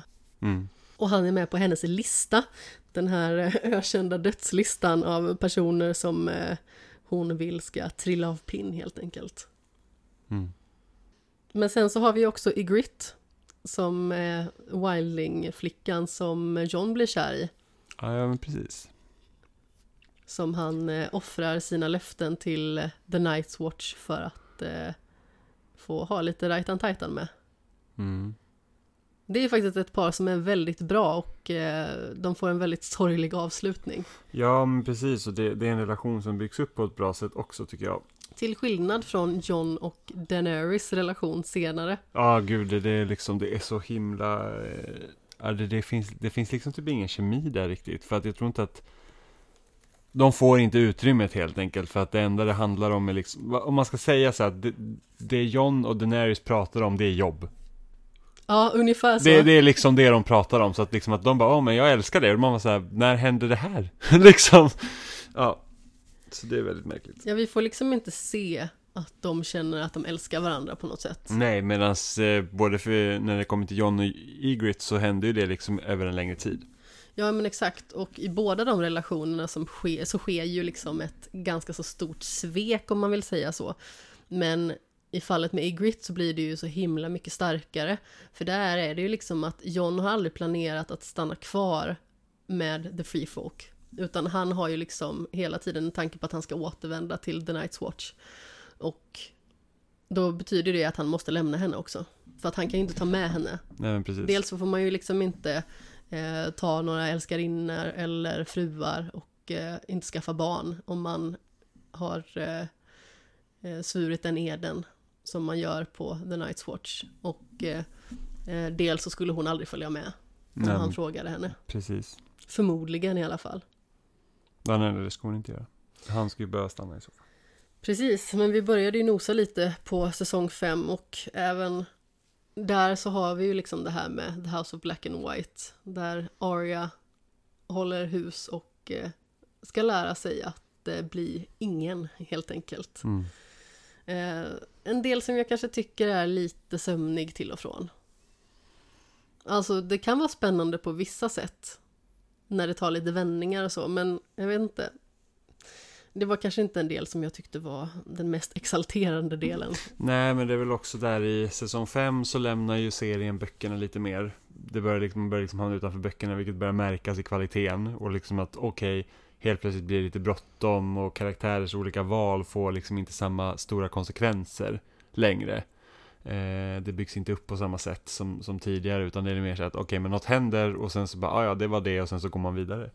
Eh, men även liksom i böckerna när hon är när hon är i Bravos, alltså det betyder ju någonting för att man liksom att vi följer inte Arya för att Arya ska vinna tronen, vi följer Arya för att hon ska hämnas på de här personerna. Ja, ja Till men exempel. exakt. Och i tr- och tråkigt nog i serien så blir det liksom inte det. Alltså det, det är inte säkert att det blir i böckerna heller, men det är liksom så att Arias roll i slutändan har egentligen inte jättemycket att göra med hennes resa i resten av serien. Nej. Men jag måste nog säga att eh, det är en av de liksom största grejerna där man liksom känner att eh, fasen vad man fick eh, betalt stort liksom i den här scenen. När eh, eh, hon faktiskt återvänder till Westeros och eh, mö- mördar Walder Frey. Ja, men precis. Det måste jag säga, det, det är en sån hämnd som jag tyckte kändes så jäkla ljuv. För det är liksom en hämnd som har eh, funnits där i bakgrunden i fyra säsonger liksom. Eller ja, tre och en halv. Ja, ja, men jag förstår vad du menar. Eller någonting sånt. Det är lång tid i alla fall. Eh, som hon har gått och rabblat det namnet. Och eh, framförallt så tycker man ju att han är så jäkla vidrig. Så det kändes himla skönt liksom när han fick vad han förtjänade. Mm. Eller det är väl egentligen i slutet av sjätte säsongen kom jag på nu. Så det är tre säsonger. Ja, det är faktiskt sant. I sjunde säsongen så är det ju att hon eh, dödar alla andra i Frey-familjen. Ja, Men om vi tar säsong fem så är ju den också väldigt händelserik. Där dör ju också jättemycket folk. Vi har ju eh, ja, alltså hela Stannis familj. Till exempel. är det i femte? Ja, jag är ganska säker på det. Det är vad jag har skrivit i mina anteckningar Ja, i alla fall som Ja, jag sitter det- och smygkollar på. Det är nämligen så att eh, The Night's Watch kallar ju liksom dit alla styrkor som går egentligen från Westeros för att få hjälp att eh, hantera White Walkers. För att de är på väg och när de kommer så kommer det inte bli kul för någon. Mm. I synnerhet liksom inte om de lyckas ta sig förbi väggen och de måste kunna försvara den. Ja. Eh, och Stannis är den enda som besvarar det här genom att komma dit. Och eh, eh, han ska ju dessutom också, har han tänkt att eh, ta tillbaka Winterfell från Boltons. Boltons som liksom var med och eh, såg till att Starks kom på fall. Och i serien så är det ju dessutom så att eh, Sansa gifts bort till eh, ja, bastarden Bolton Ramsay helt Mm. enkelt. Och det händer ju inte i böckerna. Nej, Då är det ju Sansas kompis Jane Poole som är utklädd till Arya, eller blir, de låtsas att det är Arya för att de ska ha en större rätt till Norden. Ja men precis, för att Arya har ju redan liksom flytt fältet, men det är ju ingen på utsidan som vet det. Nej, ingen, nej, alltså, och ingen har sett Arya sedan hon var i Kings Landing. Det, det är det som är en stor grej, att ingen, ingen vet vart Arya är utom Arya då. Hon har ju liksom Eh. stor del låtsats att hon var en pojke Ja. och eh, sedan så flydde hon till Essos. Precis, så de klär ut Jane Poole till eh, Arya Stark och så gifter de henne med eh, Bolton istället. Mm, Eh, så, precis. så det är också en grej, så vi vet inte heller hur Sansas resa kommer sluta i böckerna. Mm. För att hon är i princip, hon fick ju i princip ta över Jane Pooles roll. Eh, I serien. Ja men exakt. Eh, och Jane Poole ser man ju liksom inte i serien. Nej, hon, hon glimtar förbi någon gång i första säsongen Ja, jo, men precis, men hon har ju liksom ingen sån central roll nej, på nej, något nej, sätt. nej, nej. Ehm, ja, men som sagt, Stannis trillar ju av pinn och hela hans resa börjar ju liksom när Wildlings attackerar muren egentligen och eh, han kommer dit till undsättning och eh, ger dem på nöten, tar Mans Raider till fånga och eh, eldar upp honom helt enkelt. Mm. Och män som inte heller dör i böckerna. Nej, Mans i serien dör ju och det gör han ju genom att eh, John skjuter en eh, pil i honom för att skona honom från att liksom plågas av lågorna. Och Mans Raider är ju liksom The Free Folks ledare egentligen. The King Beyond the Wall. Mm. Och han är ju tidigare en man från The Night's Watch, men han är en desertör. Som inte helt enkelt eh, längre ville ställa upp på deras villkor, utan eh, ja, han flydde iväg och eh, blev kvar. Och sedan så blev han liksom deras ledare på något vis. Ehm, och i och med att, alltså dels så vill han ju inte knäböja för Stannis, som själv liksom tycker att han är den rättmätige kungen.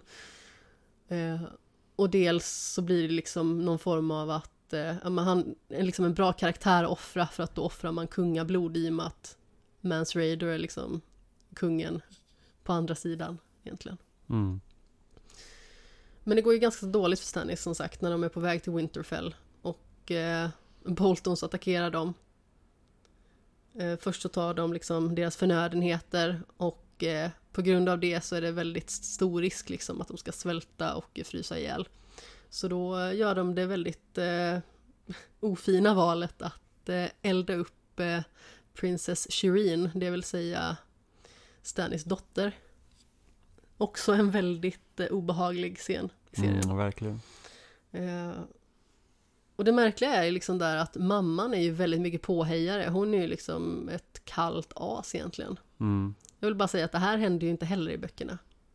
Nej. Eh, Shireen och Solis är ju faktiskt kvar hos The Night's Watch medan Stannis har eh, farit iväg. Ja men precis, och eh, Stannis har inte kommit fram till Winterfell heller utan de är insnöade någonstans mitt emellan. Ja, någonstans. Och eh, ja, Boltons ger ju dem på nöten. Och dessutom så kommer ju också Brienne of Tarth som man har liksom har fått se då. Eh, dels med Jamie Lannister för att hon ska liksom i stort sett transportera honom från Starks till Kings Landing för att byta honom mot eh, flickorna. Eh, men man fick också se henne liksom hos Renly för att hon var med i hans Kingsguard. Och eh, man tror att, att det är hon som har mördat Renly, även att det ju bara var en skugga med Stanis ansikte på. Så det är också en hämnd som har pågått liksom i tre säsonger. Att eh, hon har liksom väntat då på att få ge Stanis på nöten för att eh, han helt enkelt mördade Renly. Som eh, betydde väldigt mycket för henne. Så han sitter där döende och eh, hon, antar jag, hugger huvudet av honom. Man får inte se det för att eh, det är ur bild vill jag minnas. Nej, folk var till och med oklar med att, så att dog han verkligen? Det är klart att han dog. För det är liksom så här att det är inte som att de oftast besparar liksom tittarna från att se när folk dör. Och där helt plötsligt så klippte man bara till svart. Nej, jag har väldigt svårt att se att... Eh, Nej, nej, liksom- han, han stendog Jo, ju, men men, det, det var liksom ändå så här, de bara, varför visar de inte då om han dog? Jo, men jag skulle säga att jag har väldigt svårt liksom att se att, att det skulle finnas någonting att bygga vidare på med Stannis efter det där. För att han har ju liksom förlorat precis allt. Ja, nej, nej, Stannis var klar. Ja, absolut. Eh, Jag håller med. Eh, Men den största och eh, värsta döden i säsong 5. Vem kan det vara Jimmy? Det är väl här John dör va? Ja, det är Ja, det. precis. John har ju liksom kallats för någon form av wildling lover, liksom bara för att han dels eh, höll till med the free folk under en period, även att hans mål liksom var att ta sig tillbaka till muren. Eh, men folk tror liksom att han har någon utpräglad förkärlek för dem på grund av det. Eh, men han inser ju liksom också, vilket alla borde göra, att the free folk är också människor. Och och eh, han vill ju rädda dem från att bli tagna av White Walkers. Dels för att om de blir tagna av White Walkers, då får White Walkers en större armé. Men om de levande har Wildlings på sin sida så har ju de i sin tur en större armé. Så det är liksom en bra idé att alliera sig med dem. Så hans tanke är ju liksom att han ska släppa dem till andra sidan muren så att de liksom får göra sig hemmastadda där och eh, leva liksom ett mer drägligt liv och dessutom hjälpa till när det blir stridigheter. Eh, och eh, till skillnad från i boken så åker han ju faktiskt till Hardhome som liksom är ett väldigt stort tillhåll för just Wildlings. Och hämtar med sig dem. Mm. Och det var ändå första gången man verkligen fick se vidden av The White Walkers liksom kraft. Ja men precis. Dels liksom hur monstruöst farliga de är. Men också liksom rent visuellt se hur obehagliga de är. För här ser man ju också vad de olika typerna av Whites har liksom för funktion. För vi har ju liksom The Night King och han kan ju eh, se till att alla liksom återuppstår i stort sett. Så om man har dödat en White Walker så kan han ju återuppliva den igen. Mm. Plus att han då eh, ser till att eh, döda människor kan eh, återuppstå som White Walkers. Mm. Eh, och det är ju en väldigt obehaglig och stark scen. Det är liksom när de är på väg från Hardhome och eh, han reser sina armar ut i sidled och man ser liksom på hur alla de här högarna av döda människor bara sakteliga börjar resa sig upp. Mm.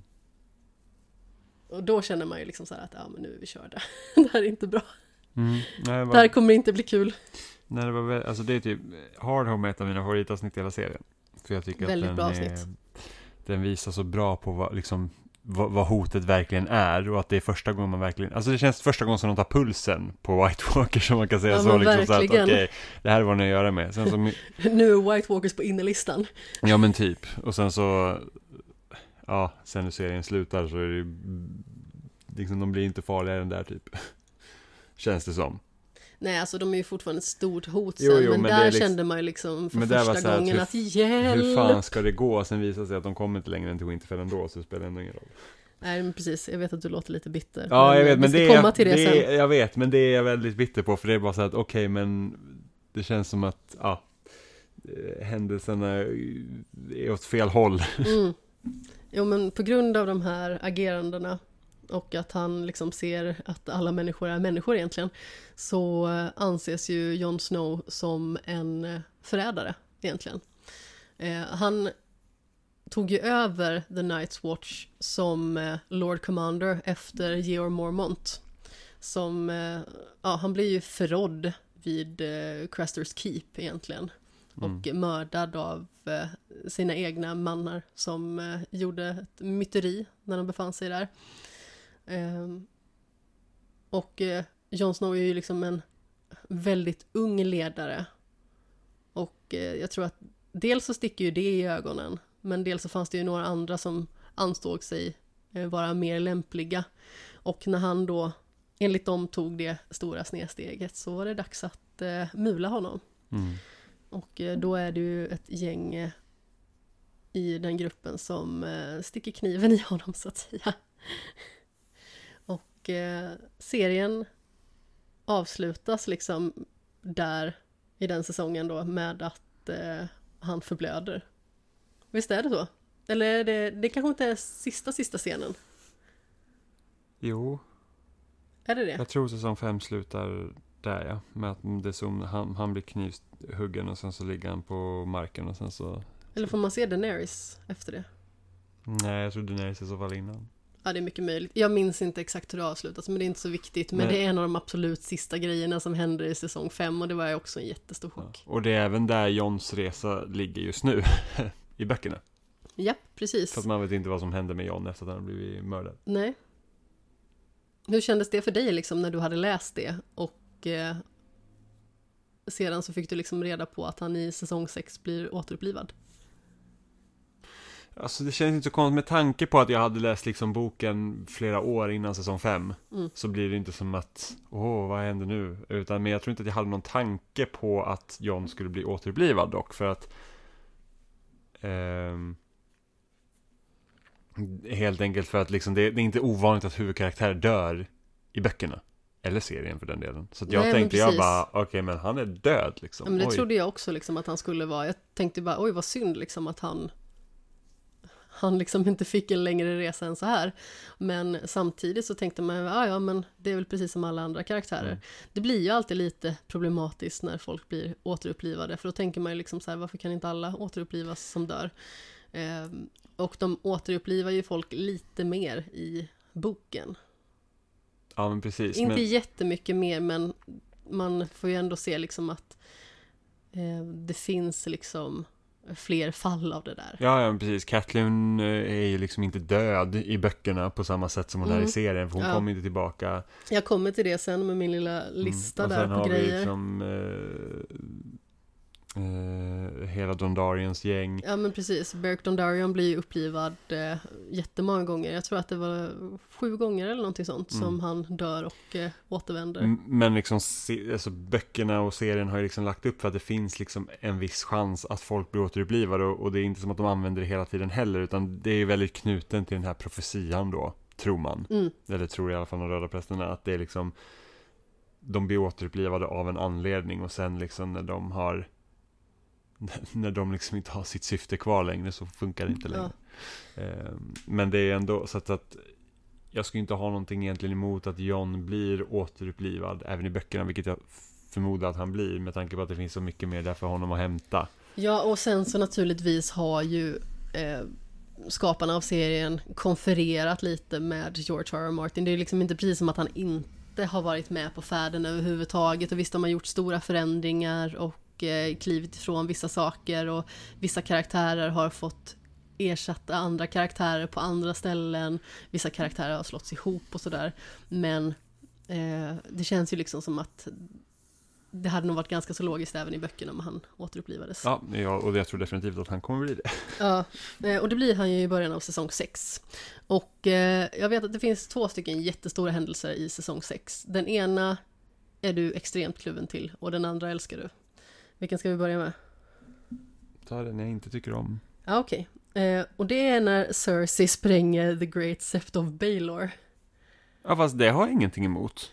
Men jag sa att du var kluven till Ja, den. okej, kluven till. Jag har ingenting emot att de spränger Baylor. Alltså det, det är en ganska stort power move från henne. Ja, det är ju eh, också, också ganska så att- chockerande. Ja. Man trodde liksom inte att man kunde bli chockad i Game of Thrones längre. Men Nej, eh, också- tydligen kunde man det. Och också ett sätt att rensa ut en del karaktärer. Ja, eh, och det är ju på sätt och vis lite synd för att det blir liksom ett väldigt enkelt sätt att rensa ut alla karaktärer. Alltså nu, nu låter det lite fånigt men det känns liksom som att de har så många karaktärer som de inte riktigt vet vad de ska göra med och Eh, hur de ska föra de karaktärerna framåt eller vad de liksom har för roll i slutändan. Så att eh, de här kapar vi. Eh, och då är det ju jättemånga som dör där. Eh, man får ju liksom följa väldigt mycket det här med The High Sparrow till exempel. Som eh, då är Kings Landings överste präst skulle man kunna säga och Cersei gör ju honom till det också. Men det gör ju också att hans underhuggare får väldigt mycket mer inflytande i Kings Landing. Dels så blir ju Cersei tillfångatagen själv eh, och behöver gå liksom den här Walk of Shame-turen. Eh, och sen så blir ju Marjorie och eh, hennes bror Loras också det. Eh, I serien så blir ju Marjorie fängslad på helt andra premisser än vad hon blir i boken. I boken så är det ju liksom att hon hävdar att hon är oskuld.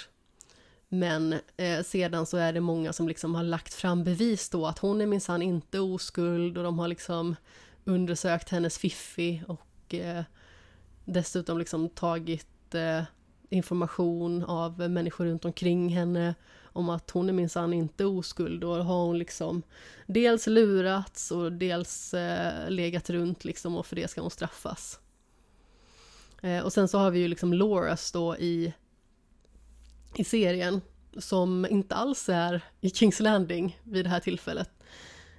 Eller ja, rättare sagt, han är i boken någon annanstans men i serien så är han ju eh, tillfångatagen på grund av att han är homosexuell. Det händer ju inte i boken. Nej. I boken så ligger han döende på Dragonstone. För att han har eh, intagit det stället för att eh, rensa bort eh, Stannis underhuggare som var kvar där. Mm. Eh, så den biten rör man liksom inte vid. Eh, och det tycker jag är lite tråkigt faktiskt i serien nu när jag har läst boken.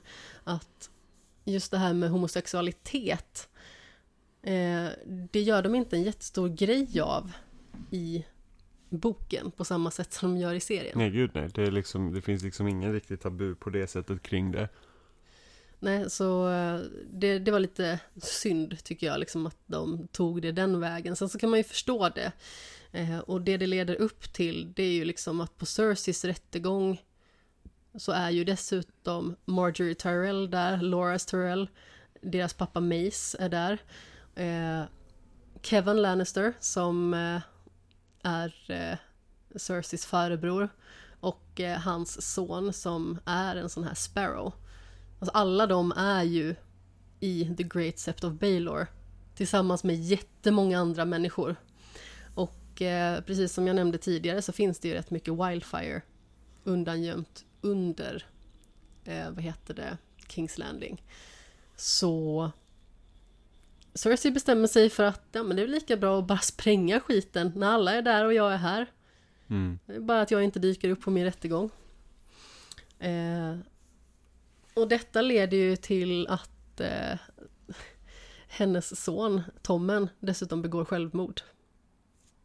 Ja, det var chockande. Om Det var också väldigt chockerande för det var liksom att hela den här stora vackra byggnaden eh, som alltså många anser liksom som helig sprängs i luften. Och detta följs upp med att en ung pojke hoppar ut genom ett fönster. Så det är liksom chock på chock egentligen. Eh, så nu har hon ju liksom inga barn kvar och hennes barn är ju hennes allt. Inte ens Jamie, hennes bror som hon har ett incestuöst förhållande med, betyder lika mycket för henne som eh, hennes barn. Eh, och hennes dotter Marcella blev ju bortflugen till Dorn för att då äkta en ung prins där och på vägen tillbaka så blir hon ju förgiftad. Mm. Och där har vi ju liksom ytterligare lite fortsättningen på det här med eh, Oberyn Martell. För då är det ju hans älskarinna som förgiftar henne som hämnd. Eh, vilket är lite orimlig hämnd. Eh, och det påpekas ju också liksom av eh, Oberyns storebror. Mm. Ja, det är ju svårt liksom att gå igenom alla de här grejerna men ska vi gå vidare till den grejen som du älskar då i säsong 6? Ja, det var Battle of the Bastard. Ja, som- Bastardbataljen, Ja, så att som, säga. som var, ja, det, är- det är liksom ganska imponerande slagen då måste man säga. Ja, alltså... Det börjar ju helt enkelt med att Ramsay Snow, eller Ramsay Bolton som han faktiskt får heta sedan, han eh, har eh, dels varit ett as mot Sansa, men hon lyckades fly tack vare Theon som eh, under en liten period var Reek, det vill säga en sargad person som blir liksom ifråntagen sin identitet och sin penis. Um, och sen så har han ju dessutom tillfångatagit eh, Johns yngsta bror, Rickon. Dödat hans direwolf, Rickons direwolf, eh, Shaggy Dog alltså.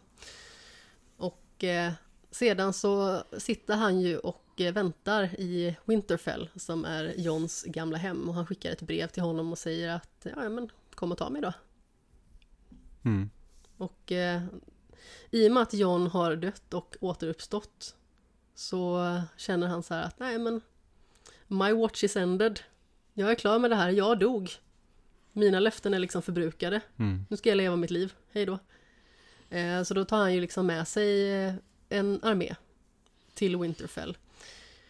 Och eh, hela slaget inleds ju med att eh, den yngste brodern där, Rickon, blir eh, ihjälskjuten med pil och båge av Ramsey. Varpå slaget inleds och det är ju ett väldigt stort slag. Mm. Vad är den coolaste delen i det, slaget? Man ska kanske, kanske inte sitta och vältra sig så jättemycket i våld, men jag vet det är ett speciellt tillfälle som jag tycker är riktigt häftigt. Nej men alltså jag, jag tycker bara hur slaget inleds där när John springer dit och sen så blir han typ omringad av hästar och allting och sånt. Mm. Eh, och jag tror att det är väldigt lite specialeffekter i den tagningen. Ja. Det häftigaste tycker jag, det är ju liksom att det ser ut som att slaget är förlorat. De blir omringade av eh, sitt motstånd med spjut. Och de här spjutsmännen kommer ju liksom närmare och närmare. Och det är ju bara en liten skara kvar. Eh, dels innehållandes män från The Night's Watch och även Wildlings som vår älskade favorit Tormund. Mm. Eh, och sen så står ju de liksom där redo att i stort sett möta sitt öde.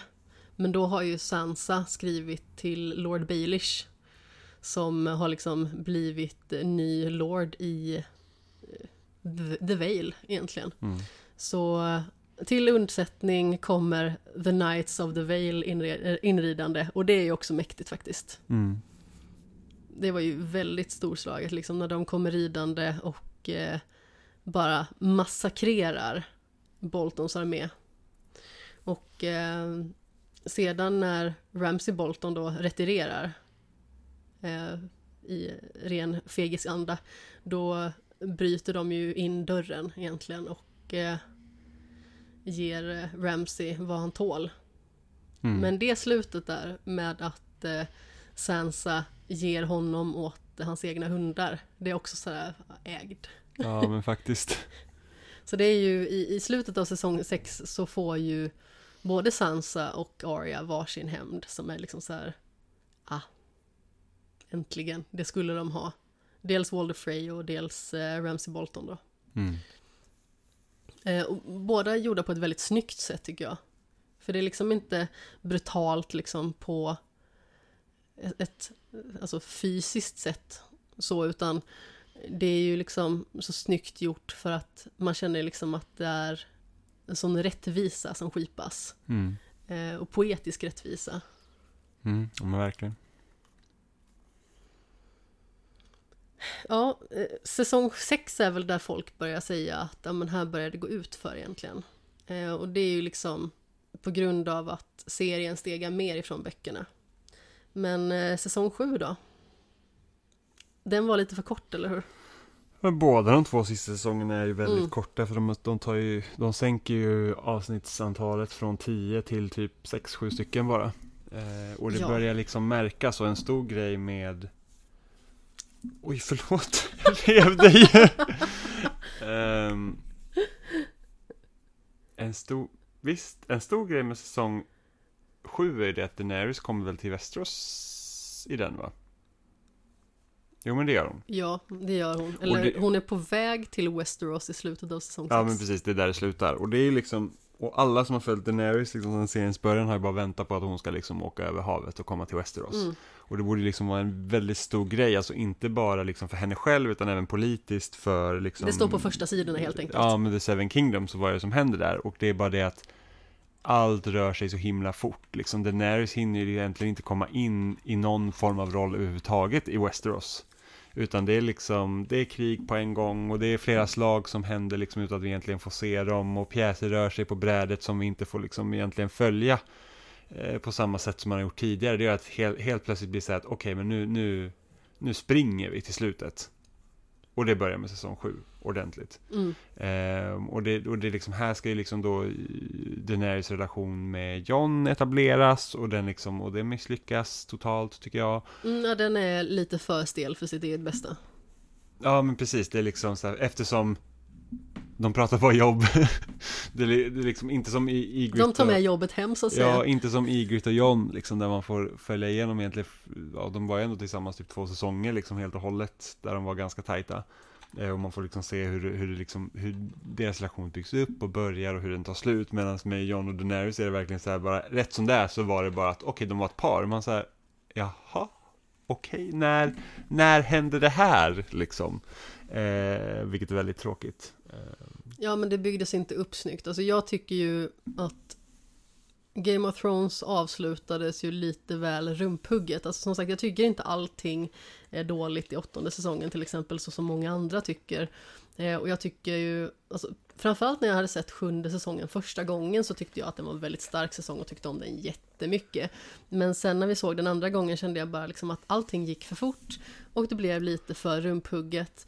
Och eh, både säsong 7 och 8 borde ha haft liksom fullskalig mängd avsnitt. De borde ha tio avsnitt var. Sen borde det förmodligen ha varit en säsong till. Som liksom gjorde att de här relationerna som liksom byggs upp och det stora hotet som närmar sig. Alltså, det får liksom ta mer tid och får ta mer utrymme och det gör liksom också att det får mer slagkraft ja. när det kommer dit liksom. Alltså jag hade typ kört, alltså hade jag fått bestämma så här, typ att så här, säsong 7, ja men Daenerys kommer till Westeros. Alla de liksom politiska implikationer vad det ger och det liksom ska börja knytas nya eh, allianser och allt sånt. Eh, säsong 8, det blir liksom kampen om järntronen. Liksom nu är det, nu, nu är det liksom, nu ska hon inta sin plats liksom som rättmätig härskare ja. över Seven Kingdoms. Och, och sen, samtidigt så tar sig White Walkers igenom muren. Jag, jag. jag hade kört det i slutet av säsongen. Och sen säsong ja, 9. Ja, men precis ja, det precis, jag menar. Precis. Liksom och sen att... säsong 9, då är det så här att okej, okay, men nu har ni slagit som tronen. Ni har förlorat jättemycket tid. Nu är det typ, nu är det kört i princip. Samarbetar ni inte så dör ni alla. Ja, och det kanske inte finns så mycket att samarbeta över längre heller, för vi vet inte, beroende på hur kriget då gick när Daenerys satte sig på tronen. Ehm, för att så som det ser ut just nu med säsong 8 med att liksom White Walkers kommer inte längre än Winterfell, det är verkligen så här Alltså det känns verkligen som att nu ska vi tända på fyrverkerier och sen så går inte stubinen av. Det bara såhär pyser ut. Man säger bara jaha, vad var det liksom? För att, nu hoppar jag ju fram till säsong 8, men, men just det här med att Cersei får rätt i att säga att nej men alltså antingen så stoppar de White Walkers eller så har White Walkers ihjäl hela deras armé så vi vinner oavsett. Och nu stoppar de White Walkers så att då var det så här att det blir aldrig liksom någon fara. Alltså, jag är så besviken på att White Walkers inte fick komma liksom längre ner än Winterfell. Det ja. känns liksom helt orimligt. Men om vi liksom håller kvar lite i säsong 7, den stora grejen där, eh, det är ju dels att en av drakarna dör. Ja. Och det har man ju inte heller förväntat sig, liksom att drakarna på något vis ska sluta att finnas mer. Eh, och då är det ju den ena draken Viserion som blir dödad av eh, The Night King blir spetsad av ett isspjut och mm. eh, faller ner i en isvak. Sedan drar de upp honom och eh, gör honom till en White Walker-drake helt enkelt som mm. då eldar sönder muren från deras sida vilket gör att de kan träda in i resterande ja, sju kungariken. Och de, och de bryter liksom magin som ligger över muren då. Precis det är inte som att de bara skulle kunna borra ett hål genom isschaktet och sen gå igenom, utan de kan liksom fysiskt inte röra sig genom muren. Precis. Eh, och en annan väldigt stor grej som hela den här säsongen avslutas med det är ju att eh, Sam, som liksom är Johns bästa kompis egentligen, när han är i Old Town och ska bli en meister så får han reda på att eh, John inte är Ned Starks bastardson. Utan John är eh, son till Rhaegar Targaryen och Lyanna Stark som då är Ned Starks syster. Ja, och det här är ju någonting som också har byggts upp från första säsongen. Ja, liksom, och det för att- tyckte jag gjordes väldigt snyggt måste jag säga. Ja. Liksom, hela den här upplösningen och man börjar liksom så se det här komma. För att som Bran, när han liksom då ska bli The Three-Eyed Raven som liksom är något form av allseende väsen. Eh, Då får man liksom se lite tillbakablickar till Dorn. Där eh, Ned då ska komma och rädda sin syster egentligen. Mm. Det de tror och det som gör liksom att hela Roberts Rebellion egentligen startar. Det är ju att man tror att Rhaegar har kidnappat och våldtagit Lyanna. Mm. Och sedan dödat henne då, antar jag. Eller att hon dör på något annat vis. Men eh, hela den biten är liksom... Det är ett, en stor del av att hela det här upproret börjar egentligen. Mm. Eh, och det var ju liksom på en, en turnering som eh, då Rhaegar liksom, eh, om vi säger valde Lyanna istället för sin fru. Eh, och det är ju någonting som Sir Barristan har jag för mig liksom pratar om en del i böckerna att hade han bara valt sin egen fru där eh, då hade ju det här kriget liksom inte ens behövt starta från första början. Det hade förhindrat så himla mycket. Men han älskade någon annan helt enkelt. Eh, och det visar ju liksom sig också att det var ju en kärlekshistoria. Det var ju inte att han kidnappade henne. Men Robert var ju blind också för det. Man vet ju inte ens om Robert visste om det utan han liksom såg ju bara den här ondskan i Rhaegar för att han älskade Lyanna Stark. Mm. Ja, och det är väl rätt så intressant också med hela Game of Thrones, det är att de här liksom stora händelseförloppet sker oftast från små medel. Exakt. Så du har ju liksom så här, Robert Rebellion börjar liksom med den här lilla liksom egentligen missförståndet. Mm. Och den som egentligen kickar igång Game of Thrones, eller liksom A Song of Ice and Fire, alltså bokserien, det är ju Peter Baelish. Mm. liksom att han, eh, han ser till att Liza Aaron förgiftar sin man. Mm. Som är då Hand of the King eh, till Robert. Och sen så, så, så skyller de på Lannisters. Ja, och efter det så kommer ju Ned Stark till Kings Landing. Precis, och det är det som kickar igång allting. Så att det, det är liksom så här att ett litet, litet missförstånd, någon manipulerar någon, någon liksom bara så här en liten knuff i fel riktning och sen så bara eskalerar det. Ja. Eh, men hela den här berättelsen liksom som nystas upp, den förankrar ju lite mer också det här The Prince Who Was Promised egentligen i och med att Jon Snow egentligen är Aegon Targaryen. Mm. Son till eh, Rhaegar Targaryen och eh, den främste tronarvingen. Mm. Eh, och det är ju också någonting som eh, Daenerys brottas med mycket i sista säsongen. Och det byggs ju inte heller upp tillräckligt bra tycker jag. För helt plötsligt så är hon liksom bara Ja men, eh, ja, jag vet inte hur jag ska kunna se på dig med nya ögon liksom.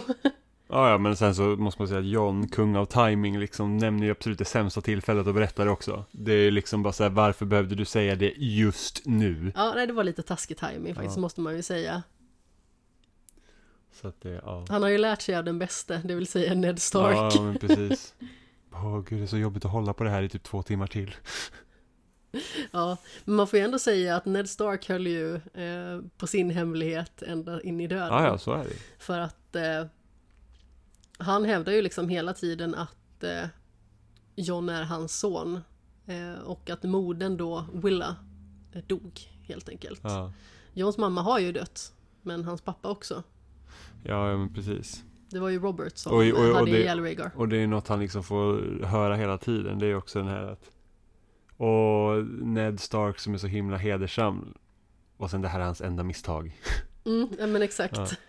Eh, men det var ju liksom eh, en jäkligt starkt bevarad hemlighet Mm. egentligen. mm. Eh, Så det får man ju säga faktiskt är väldigt eh, imponerande eller så. Eh, det krävdes ju liksom en bokmal för att lista ut det där. För det var ju så att eh, Rhaegar Targaryen eh, avslutade ju sitt giftermål med Elia Martell. Mm. för att kunna äkta Lyanna Stark istället. Precis. Och eh, det hittade han i en bok i Old Town Mm. på Citadellet. Vad finns det mer för stora händelser i säsong 7? Alltså vi har ju liksom en av de största spelarna, Peter Baelish, som eh, får sitt slut där. Ja, ja men precis. För han försökte spela ut Sansa och Arya mot varandra av någon anledning. Mm. Vilket också är en sån här konstig grej i serien tycker jag. Att, liksom att, att, att försöka liksom förvilla tittaren på att åh nej, att det kanske blir någon maktkamp mellan Arya och Sansa till ingen anledning. Ja, och det är också en väldigt konstig maktkamp i så fall, för vi vet ju att Arya inte är intresserad av att härska på något vis. Nej, och hon, Inte ens i Winterfell. nej, och hon skulle liksom inte bara ha ihjäl Sansa utan någon anledning heller. Men det är någonting när de har skrivit liksom så att Arya går liksom från att vara Arya fram tills då att hon har liksom slutfört sin träning i Bravos. Då finns det vissa glimtar av där hon blir typ som en robot. Av ingen anledning. Alltså hon blir bara, hon blir bara märklig. Ja, i säsong 7 är hon otroligt Ja, skum. Sen för- så är hon ju ganska så normal Ja, ja, i sen- säsong 8. Ja, sen så släpper de det. Det är liksom det enkelt. Och sen så när Bran blir Three-Eyed Raven så är han ju, alltså han är ju bara weird.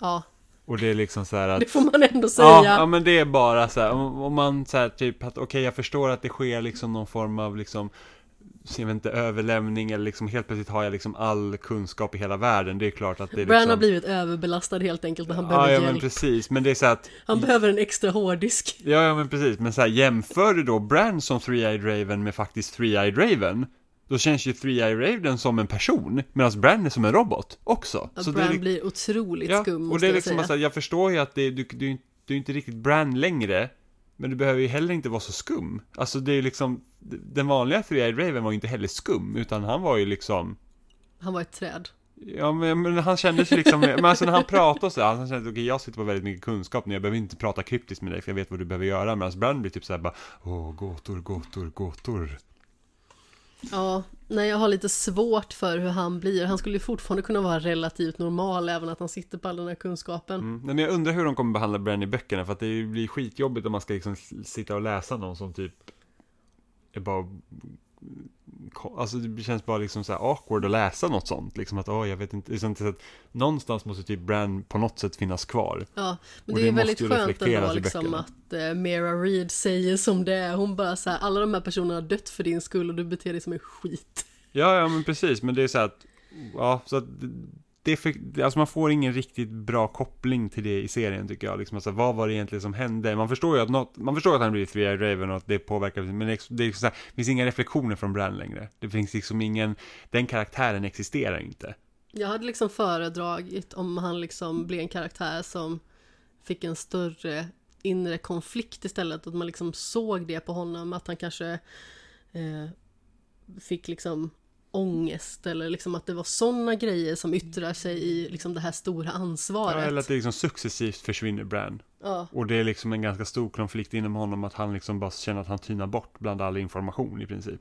ja, Eh, för det tror jag också kommer vara en grej i böckerna, det här med att John kommer tillbaka till livet. Mm. Är det att i serien så reflekterar inte han så mycket över det. Man får ju veta liksom att okej, det var ingenting efter döden, allt var svart. Det finns liksom ingenting. Och liksom det här att om jag dör där ute så ta inte tillbaka mig. Liksom de två grejerna är ganska liksom viktiga. Alltså två stora liksom eh, insikter John får om sig själv och liksom livet. ja, han är ju inte jättenöjd med att komma tillbaka. Nej, men vem hade varit det i det där? Ja, Eh, nej, kanske inte just i det läget, det beror väl på. Men liksom just det att jag hoppas ju att böckerna verkligen djupdyker i det och liksom hur känner egentligen John över att han har kommit tillbaka? Mm. Det är liksom så här att vad, vad, liksom, vad betyder det? Vad ska jag göra framåt? Vad är det liksom? Så att ja, det ska bli spännande att läsa tycker jag. Ja, eh, om den boken någon gång kommer ut. Nu för ska det vi inte 11, vara sådana. Den 11 år kommer komma och den ska vara bra. Det återstår att se. Som sagt, det var 11 år sedan förra boken kom. Ja, jag är väl medveten. Du lever på hoppet. Jajamän. Ja, vi får väl se om eh, George R. R. Martin faktiskt eh, fullföljer den här resan. Eh, men jag tror att jag sa det i spelsnack måste det ha varit liksom det här med att det känns som att i och med att Game of Thrones blev en så himla stor grej så tror jag att George R. R. Martin kanske fokuserar på saker som är lite mer görbara och som inte liksom tar upp lika mycket tid för honom som den här bokserien faktiskt gör för att alla har så himla många förväntningar och så olika förväntningar och jag tror att han har nog svårt att faktiskt komma till ro med hur han vill fortsätta det här och dessutom eh, göra fansen nöjda och kanske göra dem nöjdare än vad de blev med serien egentligen. Ja. Så det känns som att han har liksom blivit någon form av mästare av prokrastinering kanske. Att han liksom bara skjuter upp det här. Åh, nu kommer det här lilla uppdraget som jag kan göra liksom på ett halvår istället för att sitta och skriva den här boken som alla har längtat efter. Mm. Men eh, han har ju en liten hemsida som han bloggar på. Alltså, det är så kul. Det, alltså den hemsidan ser precis ut som någonting från typ 2002. Det är jätteroligt. Idag har jag skrivit en sida. Mm, nej men ibland så pratar han lite om liksom så här processen och så. Han har ju sagt att han tänker inte ge något liksom så här estimat-datum längre för att folk blir bara arga hela tiden. Men, men han, där förklarar han lite ibland processen och nu är det typ så här att okej okay, men alltså Ibland har jag svårt att skriva vidare för att jag har dödat av vissa karaktärer som jag hade behövt ha nu. Den tycker jag är rolig, liksom att om han har liksom skrivit in sig Jag lite- ångrar mig! Ja men det är lite så här att oj, jag skrev in mig i ett hörn nu och den här karaktären som hade kunnat lösa det här problemet är död. Det är liksom, det är ett problem som existerar för honom.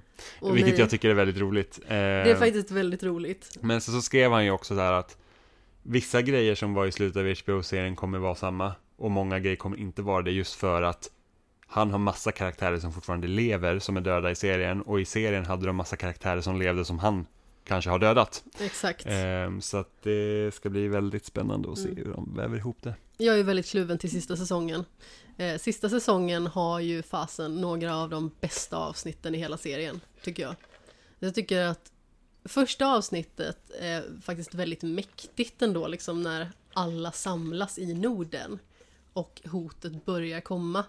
Andra avsnittet är ett av mina absoluta favoritavsnitt, för det är ju det här gamla lumparhistorier-avsnittet, där alla liksom bara får alltså, träffas en sista gång och bara snacka gamla minnen och typ grilla korv tillsammans ungefär. Alltså nu gör de inte det fysiskt, men det är lite den känslan liksom. Mm. Eh, den, den känslan av att ja, men, det stora hotet är snart här. Det här kanske är sista gången vi ser varandra. Mm. Det tyckte jag gjordes så jäkla snyggt. Sen så vet man ju liksom med slaget vid Winterfell att det betyder inte så jättemycket ändå. Eh, men även slaget vid Winterfell-avsnittet, alltså det är ett av mina favoritavsnitt på grund av hur det är upplagt. Mm. Ja men det är ett väldigt snyggt avsnitt. Fram till att Arya eh, sticker kniven i The Night King. Eh, var kommer det ifrån? Sticka kniven i dig. Är inte det typ eh, Pippi Långstrump? Ingen aning. Jag lite osäker. Jag har för mig att det är en papegoja som säger det. Ja, det kan vara att jag blandar ihop det. Skitsamma. Eh, kan inte sluta tänka på det varje gång jag säger att hon sticker kniven i någon. Men hon sticker kniven i The Night King som blir till eh, små issplittror och eh, alla White Walkers dör. Fram till den punkten så är det avsnittet, tycker jag, magiskt. Vi hade en liten dispyt om det här i chatten. Liksom, vissa tycker att eh, det är ett fruktansvärt avsnitt och jag tycker att det är helt magiskt för att musiken är så jäkla briljant upplagd i hela avsnittet. Eh, rent visuellt så är det så jäkla spännande avsnitt. Eh, bland annat liksom när Daenerys och Jon är liksom uppe bland molnen och flyger med sina drakar. Och helt plötsligt så kommer The Night King på sin isdrake liksom. Hela den scenen är så jäkla snygg. Eller när Dothraki bara rider in i mörkret med sina eldklingor. Och sen bara dör allting, det blir helt tyst. Helt plötsligt kommer en häst springande tillbaka. Och successivt börjar också eh, fotsoldater komma springande liksom. Mm. Eh, jag tycker det är så snyggt gjort hela det avsnittet. Liksom. Det är så mäktigt. Eh, och jag vet liksom att ja, men, folk hade kunnat dö en miljon gånger i det avsnittet. Och eh, att de liksom har så här plottsköldar, eller vad man ska säga, liksom att ja, men, de har sköldar för, från att skydda dem mot eh, vad de egentligen borde ha blivit utsatta för. För att de borde ha dött liksom flera gånger om varje av de här karaktärerna, men de klarar sig hela tiden rent mir- mirakulöst liksom så. Men jag vet inte, alltså Arya i biblioteket till exempel, när det liksom är en sån här smygarscen. Eh, också otroligt spännande. Jag tycker hela det avsnittet är så himla magnifikt, det är jättemaffigt. Eh, och sedan så har man ju liksom placerat ut Brand som ett lockbete för att eh, eh, The Night Kings eh, rockband som man tycker att det ser ut som när de kommer gående, Nightwing and the White Walkers lite Mm. granna. Eh, när de kommer gående mot honom och eh, Theon offrar sig och eh, man tror liksom att men nu är slutet nära. Musiken och hur den stegras där. Eh, det musikstycke som heter The Night King. Det är också eh, makalöst bra verkligen. Mm. Nej, som sagt, fram tills att The Night King dör så älskar jag det avsnittet. Sen så var det lite så här, vad händer nu? Alltså det blir en sån djup inre konflikt för man bara så här, ja, hon dödade honom.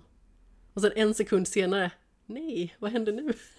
Ja, nej men det, det blir så himla märkligt för att det är så, hela serien har varit byggt åt att kampen om tronen är onödig, det här är det riktiga hotet och sen så liksom bara så här, det bara löste sig. Du vet, det bara löste sig.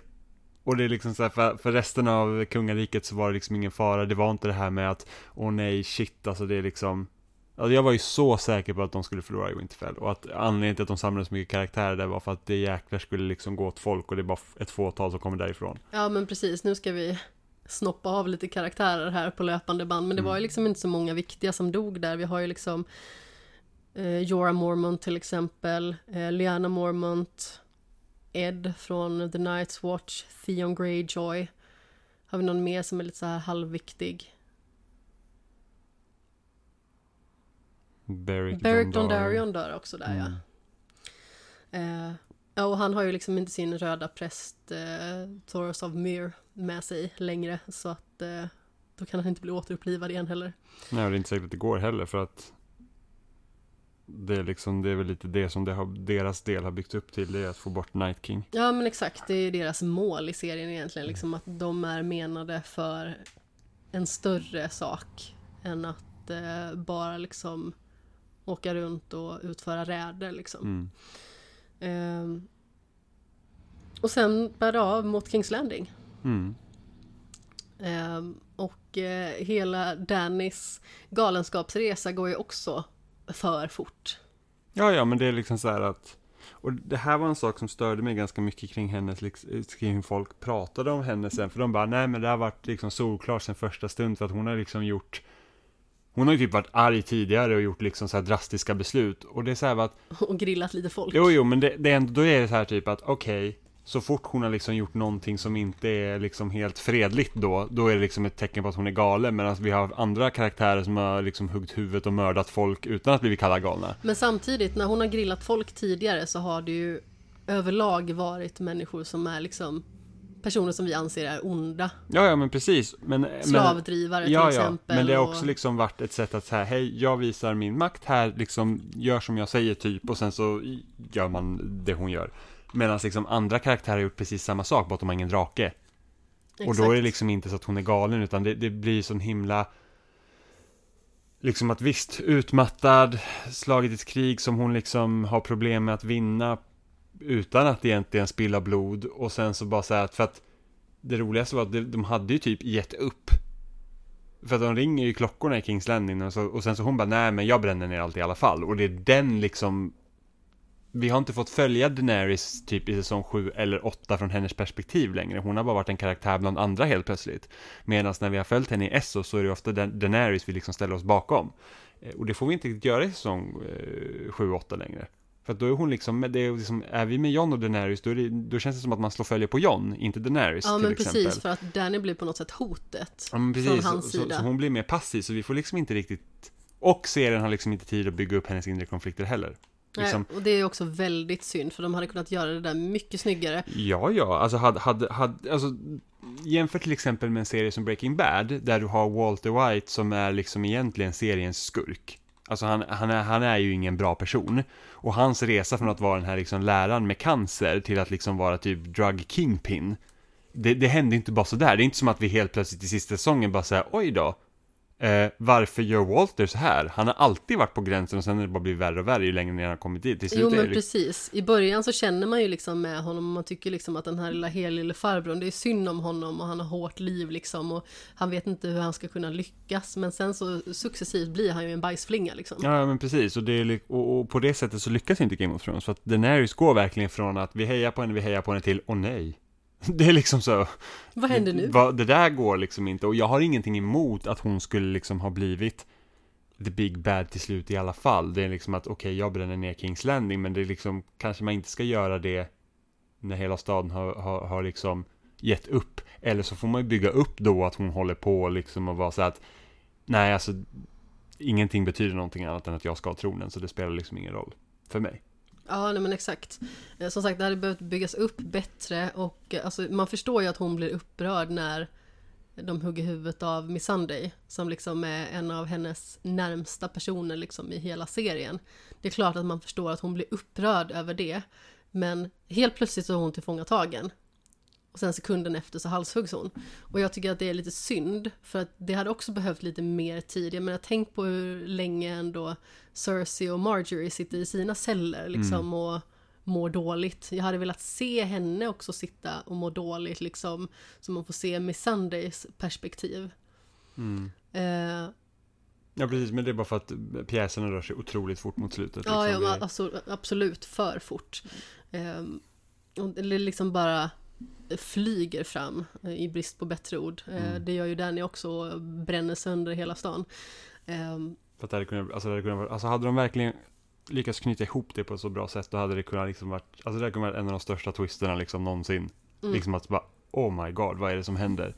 Precis som det liksom har varit varenda annan stor grej egentligen i serien. Ja, och sen som sagt, hon tar ju liksom tronen med våld. Men jag har ju liksom haft frukostmöten som har varit längre än hon satt på tronen. Mm, ja men precis.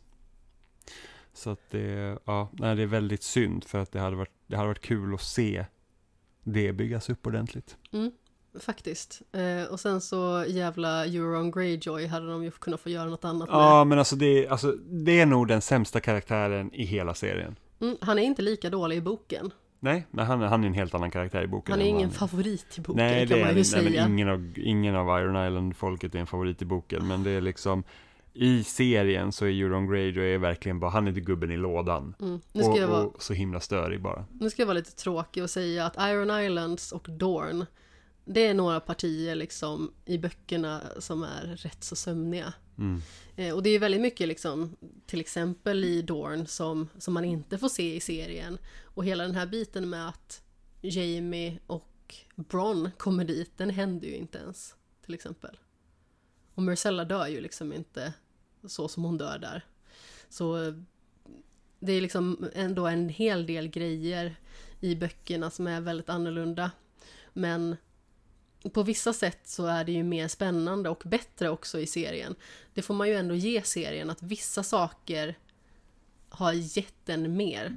Typ att Sansa blir bortgift till Ramsay Bolton till exempel. Mm. Alltså jag förstår ju att det är liksom en spännande twist med hur de gjorde det liksom i boken.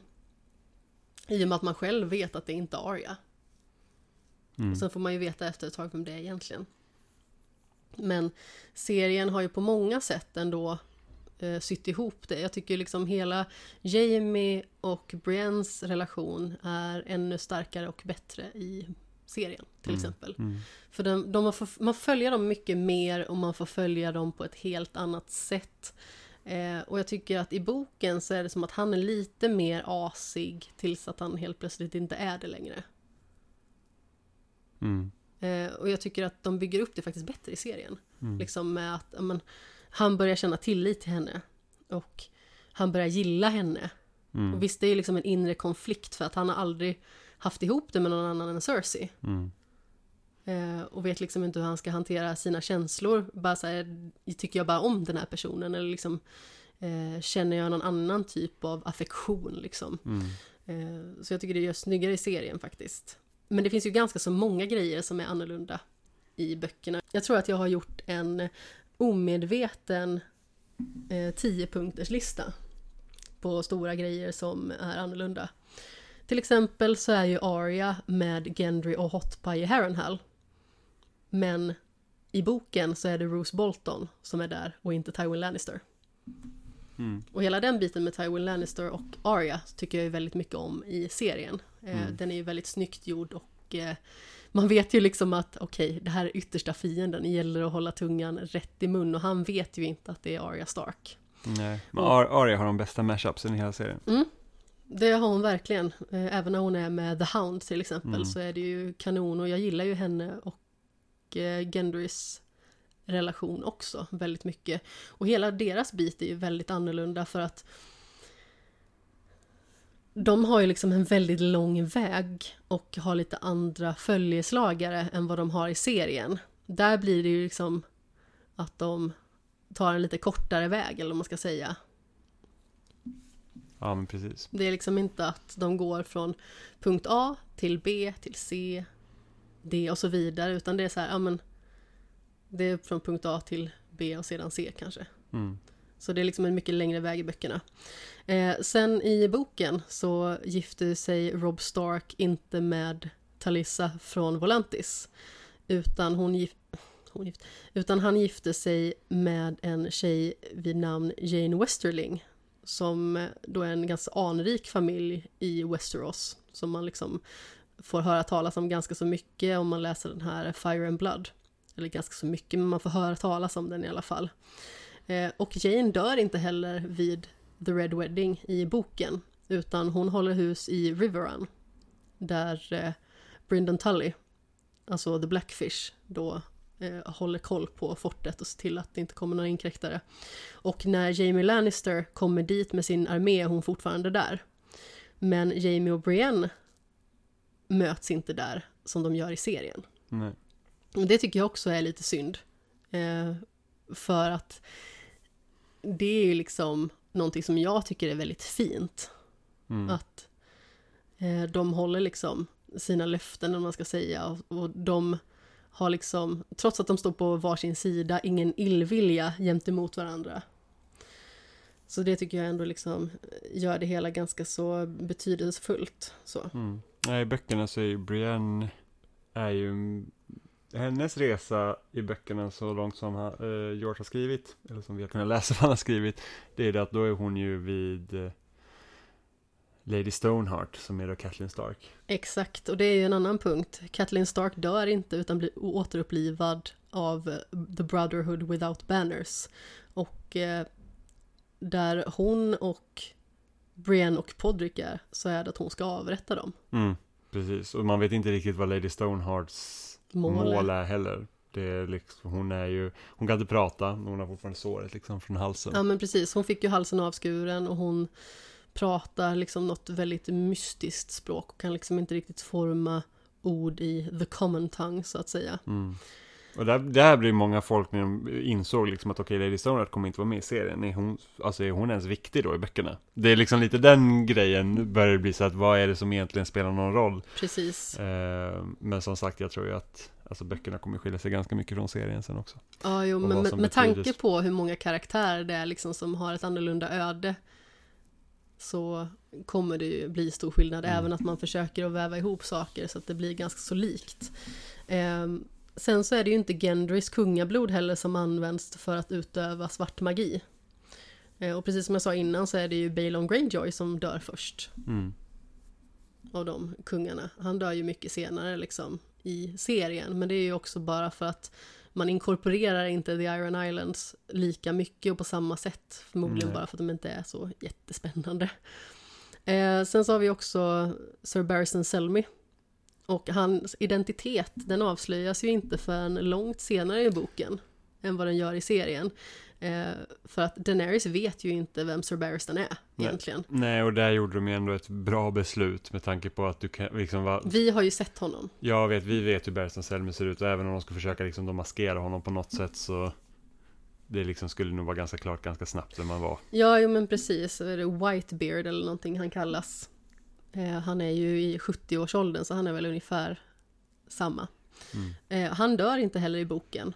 Och hela händelseförloppet kring Sons of the Harpy är ganska så annorlunda. Hela den här liksom striden där Sir Barristan dör och Grey Worm blir allvarligt livshotande skadad liksom. Den biten finns inte med Och eh, hela den här biten där alltså Daenerys flyger iväg är ju också väldigt annorlunda för Sejora är inte där vill jag minnas, eh, inte på samma sätt i alla fall. Nej. Och sen så är ju Tyrion där men i liksom en helt annan position och han är ju där med en annan dvärg som heter Penny. Mm. Och de är liksom där med en gris och en hund som de rider runt och eh, har liksom turnéspel med i stort sett. Eh, sen har vi också den här karaktären Locke som gör en eh, ganska så lång sidohistoria ändå. Genom att infiltrera muren och sedan försöker han ju få tag på Bran vid Crestor's Keep.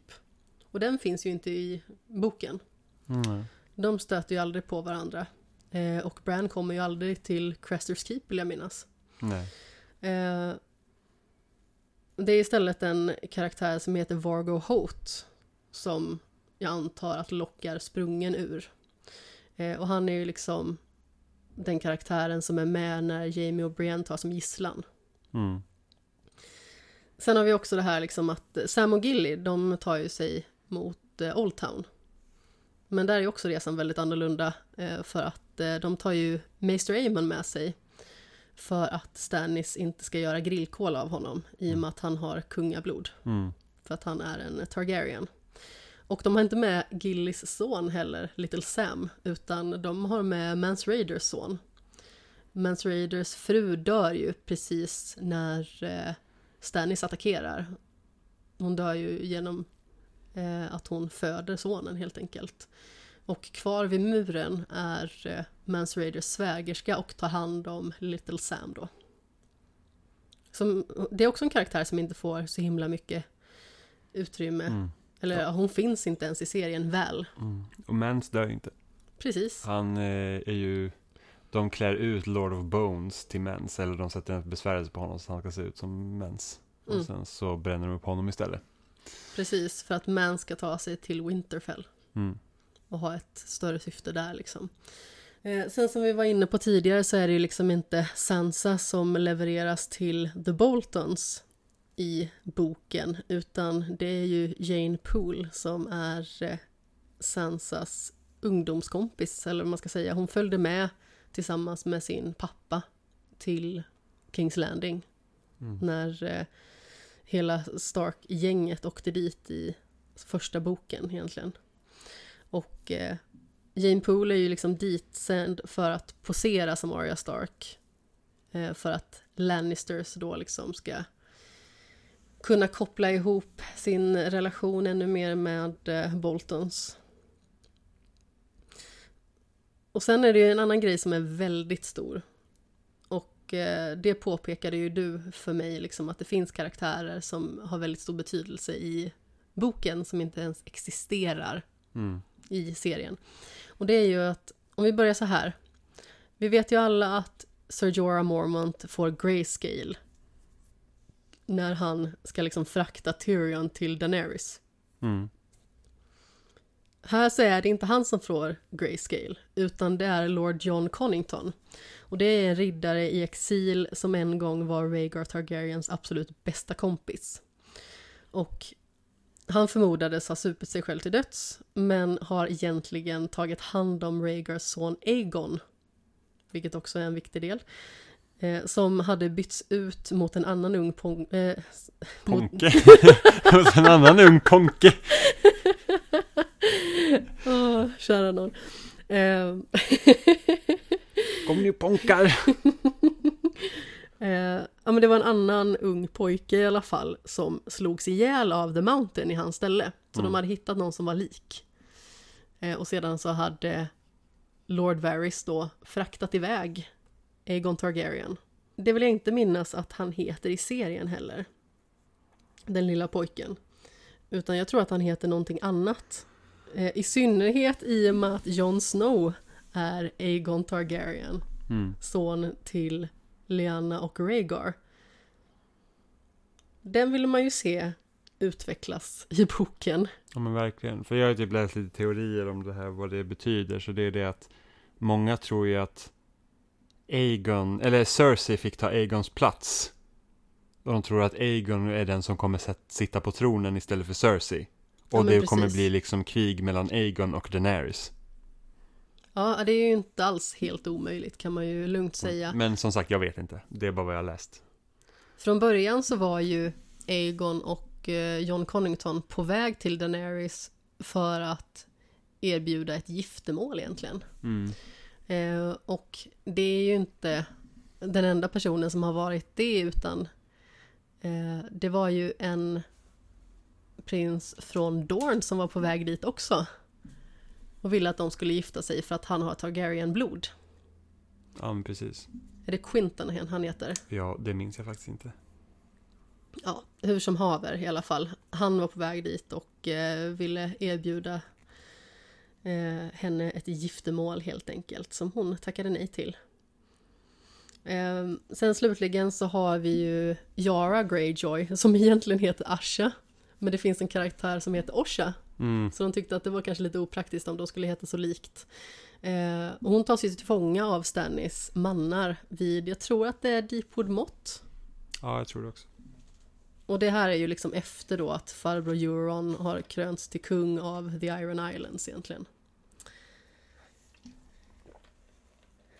Så det var min eh, lilla nätta lista på tio punkter av saker som var annorlunda och det smög sig in lite andra grejer som också är annorlunda under den resans gång. Men eh, eh det finns ju ganska så stora skillnader, precis som vi har påpekat och snart har vi pratat i två och en halv timme om eh, det här spektaklet som då är Game of Thrones och eh, A Song of Ice and Fire som bokserien heter. Eh, och som sagt, det var faktiskt väldigt intressant att uppleva alla de böckerna och se de här skillnaderna och liksom se hur många grejer som är på väg någon helt annanstans.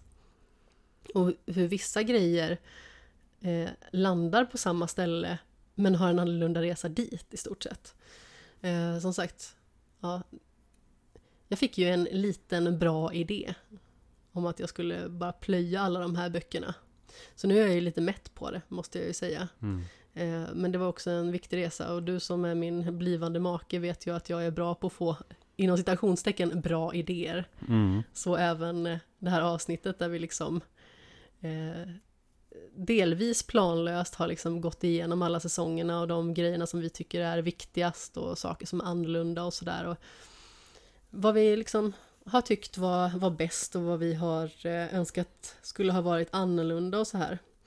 Eh, finns det liksom några parhästar som du liksom tyckte att men det, här var, det här var nog något av det roligaste att följa? Alltså Arya the Hound är ju liksom Jag tycker att de två som duo var väldigt roligt att se Just för att de är liksom Alltså The Hound drivs ju egentligen att han ska hämnas sin bror Eller på sin bror eh, Som är en riktig skithåla Mm. Och Arya som liksom då ska hämnas på typ hela världen eh, Liksom att de Varav en är The Hound. Ja precis, varav en är The Hound, vilket också är rätt så kul. Och, det är, och The Hound är ju inte en jättestor karaktär i böckerna. Alltså han finns ju där, men det är inte någon man får följa så Nej, mycket. exakt. Och han är ju väldigt mycket mer med Brotherhood without banners i böckerna. Ja, gud ja. Eh, och, de, och de får man inte följa heller, utan de är med i bakgrunden i princip. Precis. Eh, Brienne och Jamie är ju också jättekul att följa tycker jag. Eh, Ja, de är nog eh, en av de bästa för egen del också. Framförallt liksom så tycker jag ju att Jamie har kanske den absolut bästa karaktärsutvecklingen. Ja, tills han skiter tills Till, tills, han till, bajsar i det blå tills skåpet. de bara säger nej men alltså nej, vi, vi drar tillbaks det här. Så här, nej men personen ändras aldrig. Så För att, att För att det var ju så himla bra i slutet av säsong 7 var ju när Jamie lämnade Cersei För det kändes verkligen som, okej men nu lämnade han henne Ja. faktiskt Nu gjorde han det valet och sen så bara, nej men vänta nu, i sista säsongen så tar vi nog tillbaka dem Jag hade ju föredragit om de liksom hade ställts mot varandra istället. Så att det liksom hade blivit sådär att, ja men han har lämnat henne för att hon har betett sig som skit mot honom och hon känner liksom att eh, eh, han finns inte i hennes liv och han dessutom känner liksom att hon vill typ bara ha ihjäl mig i alla fall. mm, Ja men precis Han känner ju att han liksom inte kan lita på henne. mm. För att eh, hon hyser ju sånt enormt agg mot alla runt omkring henne. Och det var liksom en sån grej som jag reagerade på liksom, när vi kollade på serien igen. För jag har ju sett den x antal gånger. Liksom. De första tre säsongerna har jag nog sett flest gånger. Så det har ju varit liksom mer spännande att se säsongerna efter det på sätt och vis. Just bara för att man upptäcker mer saker och man blir påmind om mer saker som man liksom inte riktigt minns. Mm. Ehm, men man tänker ju liksom väldigt mycket på Cersei när man går igenom allt det här hon tycker ju själv att hon är smartast av alla. Och Ja, hon det är ju inte riktigt det. Alltså visst hon är ju smart och eh, hon är ondskefull naturligtvis och hon är otroligt hatisk. Men någonting som jag reflekterade över att hon är ju som ett stort barn. Ja men precis. Det är liksom så här, "Ja, men kan inte jag få det här? Eh, då ska jag slå dig. Mm. Alltså lite grann sån är hon ju. Det är så här, kom, kommer liksom inte någon in eh, och gör saker på hennes villkor, ja då är det ut. Mm. Så hon har ju liksom ett väldigt märkligt beteende och eh, det var ju väldigt skönt i sista säsongen tyckte jag liksom att se henne falla ändå.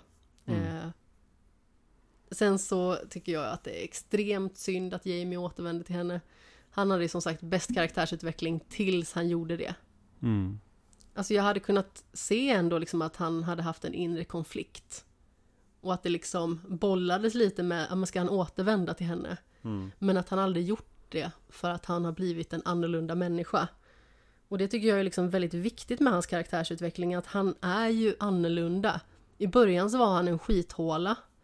Han var ju liksom den här prydlige putten som eh, många höjde till skyarna liksom stridsmässigt men snackade skit bakom ryggen på grund av att han liksom mördade sin förra kung egentligen och att han ligger med sin syster såklart. Eh, men han har ju kommit någonstans. Han gick ju från att vara en renodlad skithåla till att visa att han är en karaktär som har mer djup och dessutom mer mänsklighet. Mm. Alltså jag tyckte det var eh, jättesynd faktiskt att han fick gå det ödet till mötes. Väldigt tråkigt. Har vi någonting mer som vi vill nämna innan vi går in på lite första intrycken av House of the Dragon? Jag tror inte det. Fundera lite på om det kanske var någonting som man... Finns det någon karaktär som du känner är din favorit? Och det här är så himla svårt och jag tror att mitt val kommer absolut vara det absolut tråkigaste man kan säga. Men jag tror det, alltså när vi såg om serien nu i sin helhet och det är första gången jag faktiskt sett liksom hela serien i ett streck. För Mm. att jag hade bara sett sista säsongen en gång. Jag den- gjorde ju det med min mamma inför att vi skulle göra Shame of Thrones faktiskt. Mm. Eh, så tror jag att det är John. Mm. Och det är roligt för att jag tycker inte att han är spä- mest spännande i böckerna. Jag har aldrig tyckt att han är mest spännande i serien. Men det är liksom så att när man har sett från början till slut så är det liksom att han Han har de roligaste striderna. Tycker jag, absolut. Han, han, han liksom hamnar i händelsernas centrum på ett bra sätt. Och jag tror liksom att han känns liksom nästan som huvudkaraktären. Ja. Jag vet verkligen inte. Alltså det finns ju en annan karaktär som gör bra karaktärsutveckling och det är ju Sansa. Som går från att tro liksom att eh, allting är eh, kärlek som slutar lyckligt liksom och att eh, det alltid kommer någon riddare som räddar en. Eh, till att liksom bli en ganska så klurig person som lär sig väldigt mycket av den bästa, det vill säga Peter Baelish egentligen. Mm. Eh, och hon blir ju liksom en väldigt hårdhudad person. Så hon gör ju en jättestor omställning liksom. Och växer till sig jättemycket. Men man tycker ju väldigt illa om henne i början för hon är så förbannat jobbig. Mm.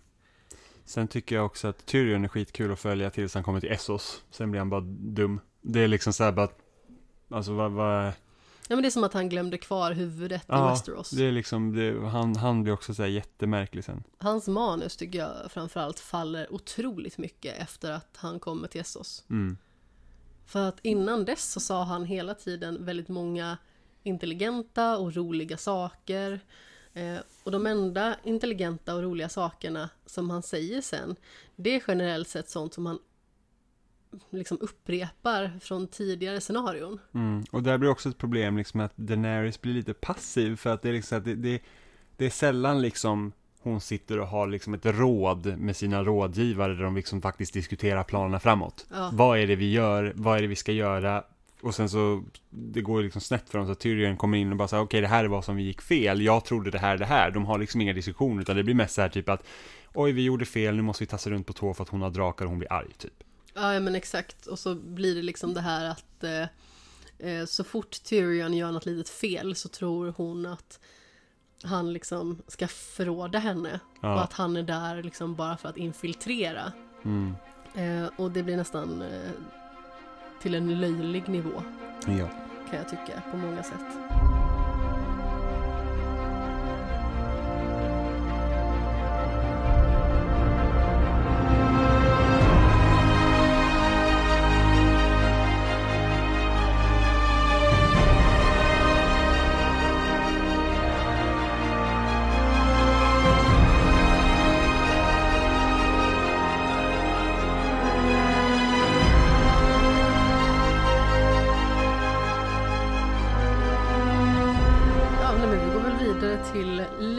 Första intrycken av House of the Dragon då. Mm. Vad hade du för förväntningar? Alltså det är så roligt för att jag har inte tänkt så mycket. Ef- Efter det som hände med Game of Thrones i sista säsongen så har jag liksom, alltså. Och det här har vi säkert upprepat flera gånger tidigare, men det är det här att allt handlar om Game of Thrones tills det inte handlar om Game of Thrones längre. Alltså det var verkligen, det stendog efter sista säsongen. Det var liksom så här, från, från att, ja men till exempel, folk har ju, alltså andra populära serier, liksom folk kan ju fortfarande prata om dem typ idag, men Game of Thrones verkligen bara stendog. Jag har aldrig varit med om något liknande med tanke på att det var liksom det största som hände typ. Ja, man skulle kunna jämföra det med liksom att Alltså hur stor hype det var kring Elden Ring och så hade man spelat det och så hade det varit dåligt. Ja, men lite så. Ehm, och, och, och jag liksom, skulle aldrig ha blivit några mer Game of Thrones-serier så hade inte jag brytt mig. Alltså på den nivån. Det är liksom så att jag, för mig spelar det ingen roll. Jag behöver liksom inte, jag vill veta hur A Song of Ice and Fire slutar. Jag vill liksom, jag behöver inte veta något mer liksom.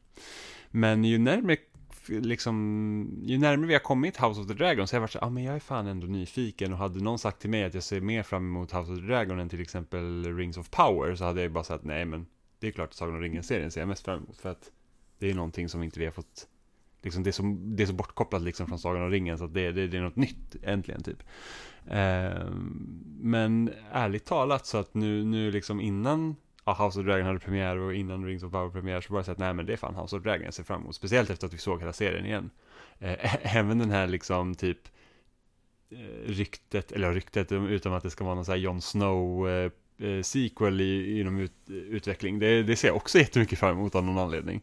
Eh, men så att för mig blir det så att ja, men det ska bli kul att återvända till Westeros liksom, med House of Dragons. Så att jag, jag såg väldigt mycket fram emot det och hoppas att det ska bli, att de verkligen kan gå in hårt på det här politiska spelet som finns. Att, att, att, för det är väl den största risken egentligen med serien, det är så att och det märkte man även i första avsnittet, det är lite så här, vad är det vi ska bry oss om här? För att det är, det någon liksom, det kamp runt, för det finns liksom inga White Walkers här som är liksom i någon risk, för att det, den risken kommer ju först långt senare. Eh, så att det är liksom, det är så att okej, var, var någonstans ska vi hitta liksom våra touchpoints? Ja men exakt och eh, jag antar ju liksom att man väljer att fokusera på Targaryens just på grund av hur mycket motsättningar det liksom finns i den ätten. Eh, rent historiskt så har de ju liksom bråkat med varandra och eh, huggit varandra i ryggen liksom ganska så eh, frekvent, får man Mm. väl ändå säga. Nu har ju inte jag läst klart hela den boken, men man märker ju redan från början liksom att eh, det finns ju väldigt mycket motsättningar och eh, det finns väldigt starka viljor. Ja, och det finns ju liksom ingen riktigt som utgör något hot mot dem från, utan dem själva, eftersom de har drakarna. Det är liksom så här, Exakt. skulle någon armé försöka vända sig mot dem, och det, de kan inte göra så mycket för att då liksom burn them to a crisp. Men, men så, så att det, det liksom redan där blir ju, ja, nu vet vi att drakarna kommer sinom tid försvinna för att någon tog ett beslut att hålla dem liksom fastlåsta och kedjade istället för fria. Men eh, så blev de som små hundar istället Ja, i men storlek. precis. Men som där vi är nu med House of the Dragon, så att det är liksom det är ju ingen familj som kommer resa sig upp och liksom vara så här att nej men alltså vi vill inte att ni bestämmer över oss längre för att det behöver de bara inte acceptera.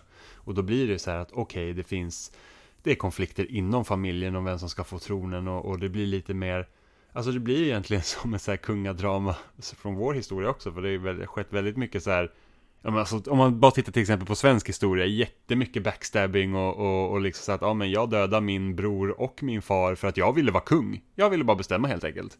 Eh, och lite sånt tror jag att de liksom hänger med på här. Ja, ja men exakt. Eh, jag vet inte riktigt hur mycket förväntningar jag hade heller.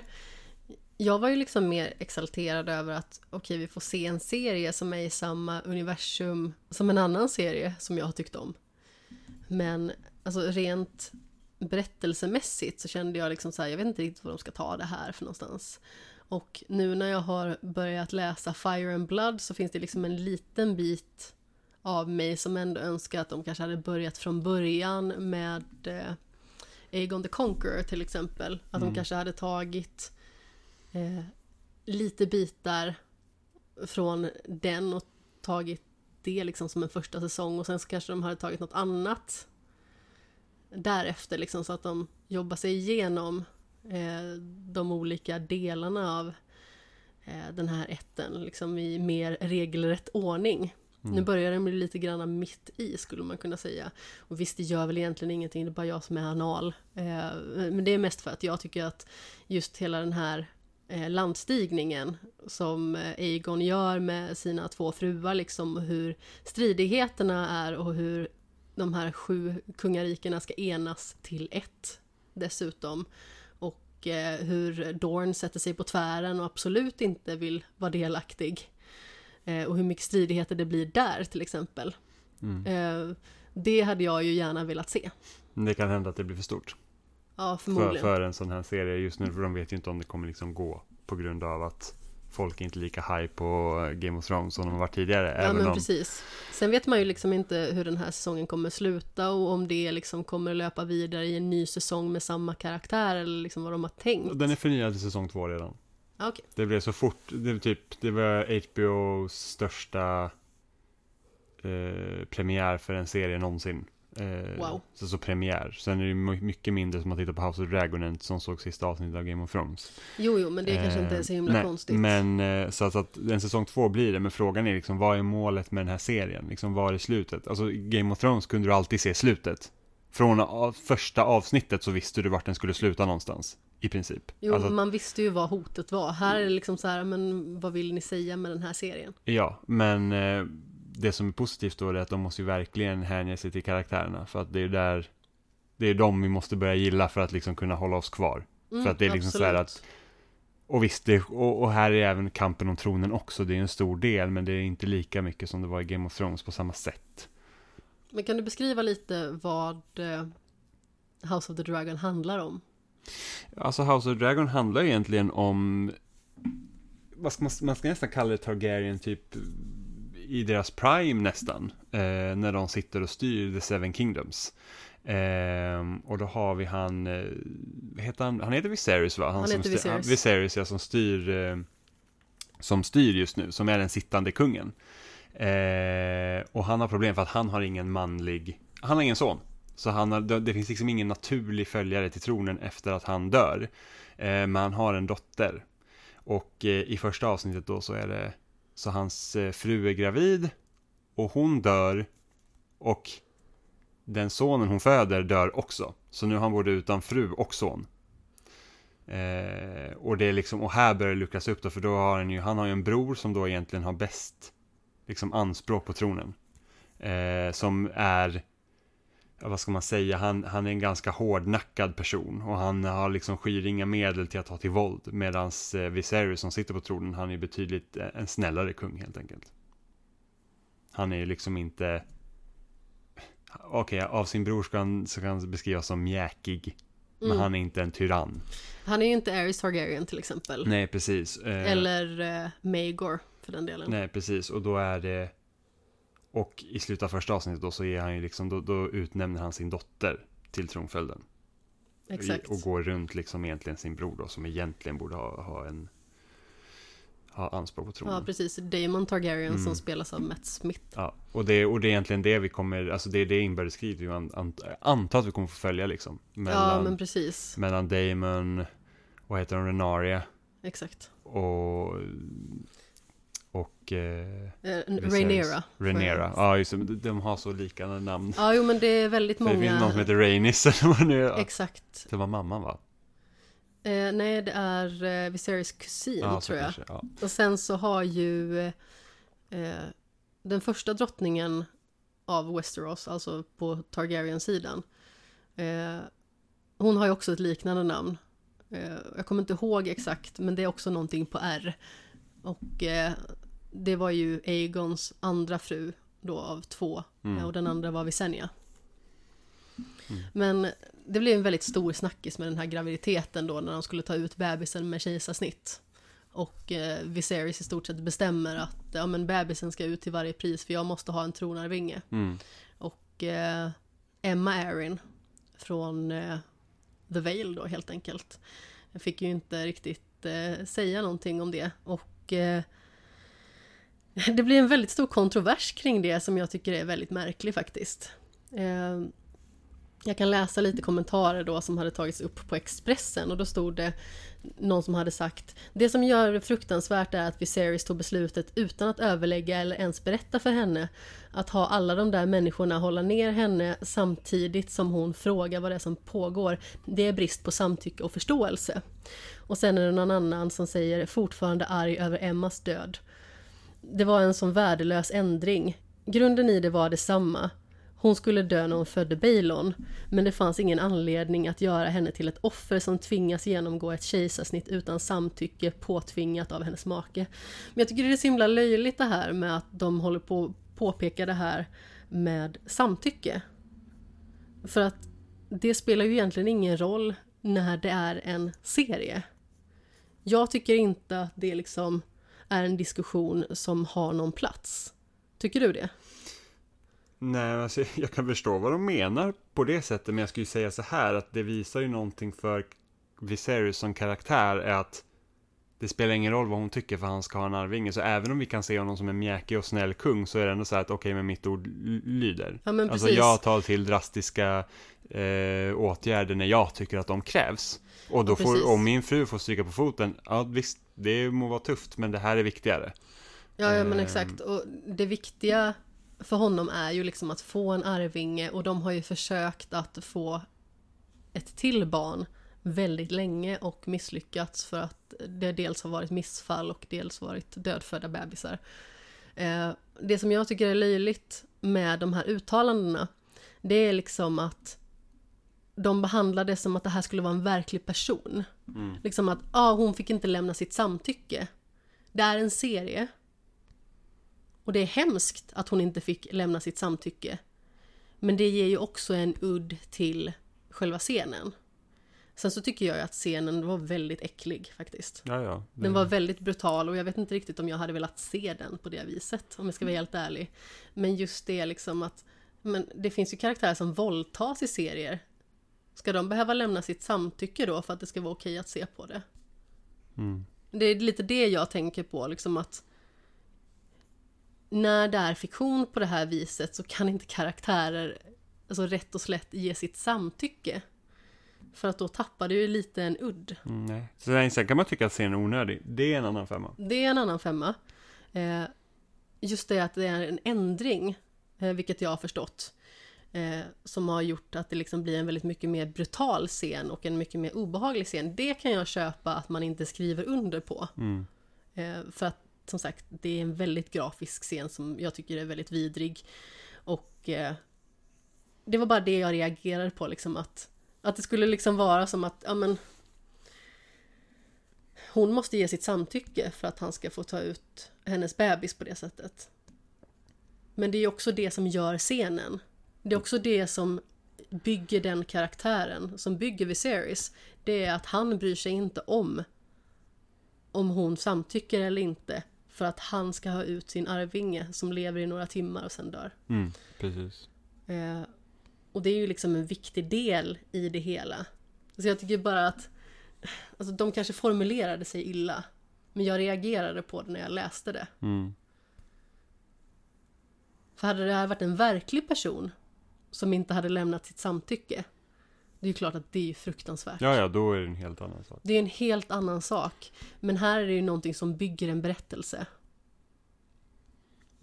Ja, och precis. det är liksom ett scenario som skulle kunna ha varit verkligheten. Det är skithemskt och det är en fruktansvärd scen. Men jag tycker att det är konstigt att diskutera samtycke i det sammanhanget. Ja, ja, för att det är liksom så att det, det, tanken är ju inte att, alltså serien sätter ju inte Viserys här i eh, god dager. Nej men exakt, och det är ju det. meningen. Ja, precis. Sen så kan man ju tycka så att, ja, men jag vill inte att vi ska exploatera kvinnokroppar på det här sättet. Och liksom visa så grafiska bilder och sånt för att, eh, och då, det, för det är så vanligt att det händer för kvinnokaraktärer. Det är en helt annan kritik. Absolut, och den köper jag Mm. definitivt. Men jag kan hålla med, det här liksom, precis, fiktionella karaktärer kan inte ge samtycke. Ja, men precis, man måste ju någonstans göra skillnad på verkligheten och fiktionen. Ehm, det är ju mycket hemska saker som händer i eh, fiktionen, alltså som även händer i verkligheten om man ska vara sån. Folk mördas, folk våldtas, folk misshandlas. Eh, och då blir det liksom så här, som att eh, en karaktär kan ju inte bara stopp nu, jag tänker inte bli mördad här. Det är lite så jag eh, Mm. tolkar liksom de här kommentarerna. Sen kanske jag tolkar dem fel och man får jättegärna kommentera på det i avsnittet naturligtvis. Men jag reagerade bara på det för jag tyckte det var liksom en, en konstig vinkel att ta. Mm. Men eh, vad tycker vi då om karaktären som vi får följa mest, Renera? Alltså jag gillar henne. Det känns lite som en föregångare till Daenerys. Precis, Eh, Mini Daenerys. Ja, men precis. Och det, och det känns Mineris. Och det är en sak som jag faktiskt blev väldigt förvånad med när serien börjar. Det var att det liksom beskriver också som att det här är, vad var det, 270 år för, eller var det 174 år före Daenerys Targaryen föds. Liksom att man, med tanke på hur Game of Thrones slutar, att man fortfarande sätter sån vikt vid Daenerys. Precis som att, oj, hon gjorde inte det här hemska saker i slutet. Mm. Det tycker jag är väldigt förvånande att man liksom, man, man inte så här att det här är så här många år innan Game of, händelsen i Game of Thrones, utan det här är så här många år innan Daenerys blev född. Ja men precis, men jag tänker att det är liksom den sista Targaryen. Jo, jag vet. Ja, fast Jon är ju också en Targaryen. Jo, jo men alltså, Jo, jo, men, men samtidigt är det du så här... förstår hur jag menar. Jo, jag vet, men jag tycker den vinkeln blir så konstig. Liksom just att det är Daenerys man lyfter fram, som inte alls blir hemsk i slutet då. Liksom. Så att det, det, det tyckte jag var konstigt. Och sen så är det en annan stor grej som händer i första avsnittet, är att vi får veta varför Aegon tog över The Seven Kingdoms från första början. För att han hade en dröm om The White Walkers. Och det måste sitta en Targaryen på tronen för att kunna avvärja det hotet. Vilket så att, och det har man inte, det har ju liksom, jag som har läst böckerna vet ju inte, har inte vetat om det och jag vet inte ens om det är någon grej i Fire and Blood. Jo, det är det. Och man får veta det där också. Ja. Eh, men det är så här att, oj, det är en jättestor grej. Liksom. Eh, samtidigt är det så här att, ja men behövde man ha en Targaryen på tronen för att slå The White Walkers? Nej, det behövde man ju faktiskt inte ha, för att de slog ju ut. De slog ju faktiskt The White Walkers utan att en Targaryen satt på tronen. Ja men exakt. Däremot så fanns det ju Targaryens i Westeros. Jo, jo, men behöver ju inte sitta på tronen. Nej, nej, såklart. Eh, men så det var en ganska intressant grej liksom, att det var det som kallades Song of Ice and Fire då. Eh, vilket är kul för att många har ju spekulerat också i att A Song of Ice and Fire handlar ju om Daenerys och Jon. Som är Sagan om Iseld Ja, precis. till exempel. Alltså det, det, var, det var lite kul sådana här callbacks till eh, Game of Thrones. Ja, ja men absolut. Och sen nu när jag har eh, tagit mig en bit in i alla fall i Fire and Blood så finns det ju vissa grejer som jag tycker förklaras. Eh, ganska så trevligt också. Alltså precis som det du nämnde nu och eh, en del annat som eh, jag antar kommer liksom tas upp lite senare Mm. i den här serien också. Men eh, det kommer ju liksom in fler skådespelare sedan som ska spela de äldre versionerna av eh, Rhaenyra Targaryen till exempel och eh, Alicent Hightower. Och det är också karaktärer som är ganska så eh, centrala.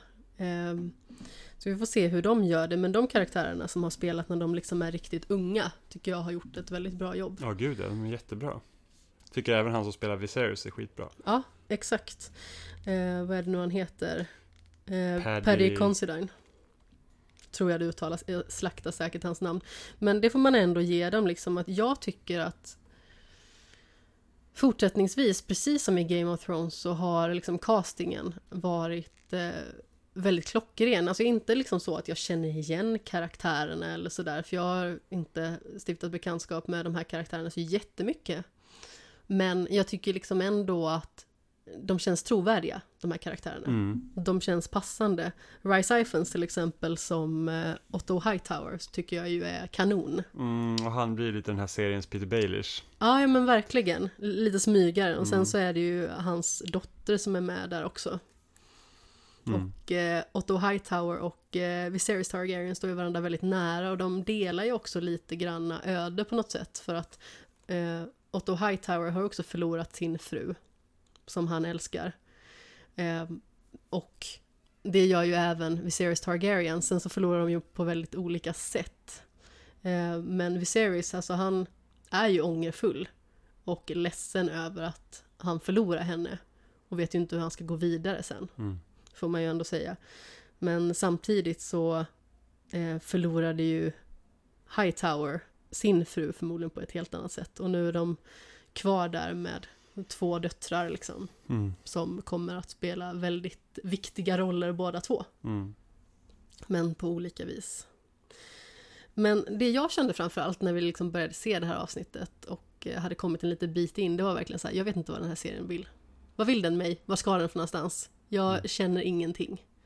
Sen så tyckte jag att den liksom byggdes upp mot slutet, liksom med det här att tronarvingen förloras. Mm.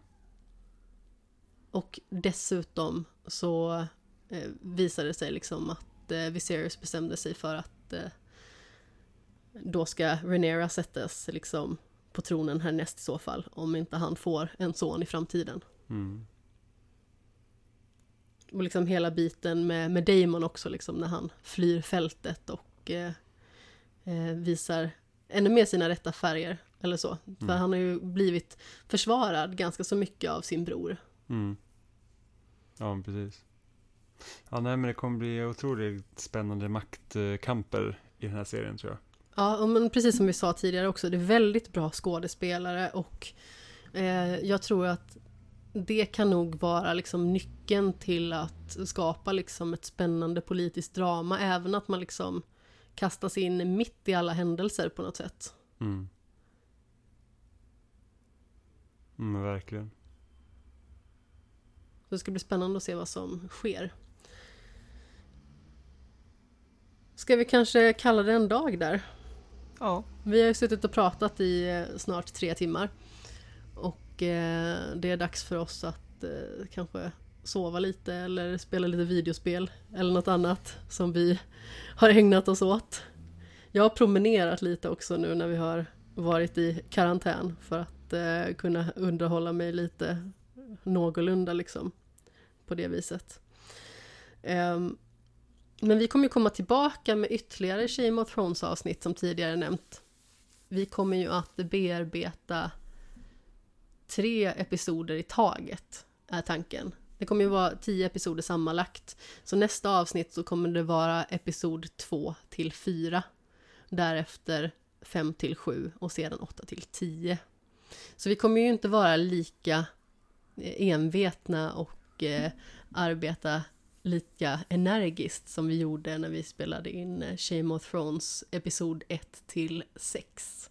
Helt enkelt. Det blir lite för mycket. I synnerhet liksom när vi nu båda har eh, spelsnack också. Mm, precis. För när vi spelade in Shame of Thrones, då hade jag eh, en liten del fortfarande i öppna världar.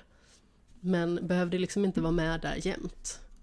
Och dessutom så hade jag liksom, förutom det, fullt fokus på skämshögen. Och du hade en liten paus från spelsnack. Mm, Så då var det liksom lättare för oss att koordinera det där. Exakt. Men eh, som sagt, åtminstone tre episoder till kommer av Shame of Thrones om House of the Dragon. Sen så kanske Shame of Thrones återkommer efter det om det nu blir någon sån här eh, litet äventyr med Jon och Tormund kanske, eller vad det nu blir. Mm, Jon, Tormund och deras rövarband. mm. Ponkarna på äventyr. Åh. Ja, nej men som sagt, har man frågor och funderingar, för- förslag eller önskemål så får man jättegärna kontakta oss på skamshogen.gmail.com på Twitter eller på Instagram som snabla skamshogen eller på Facebook naturligtvis.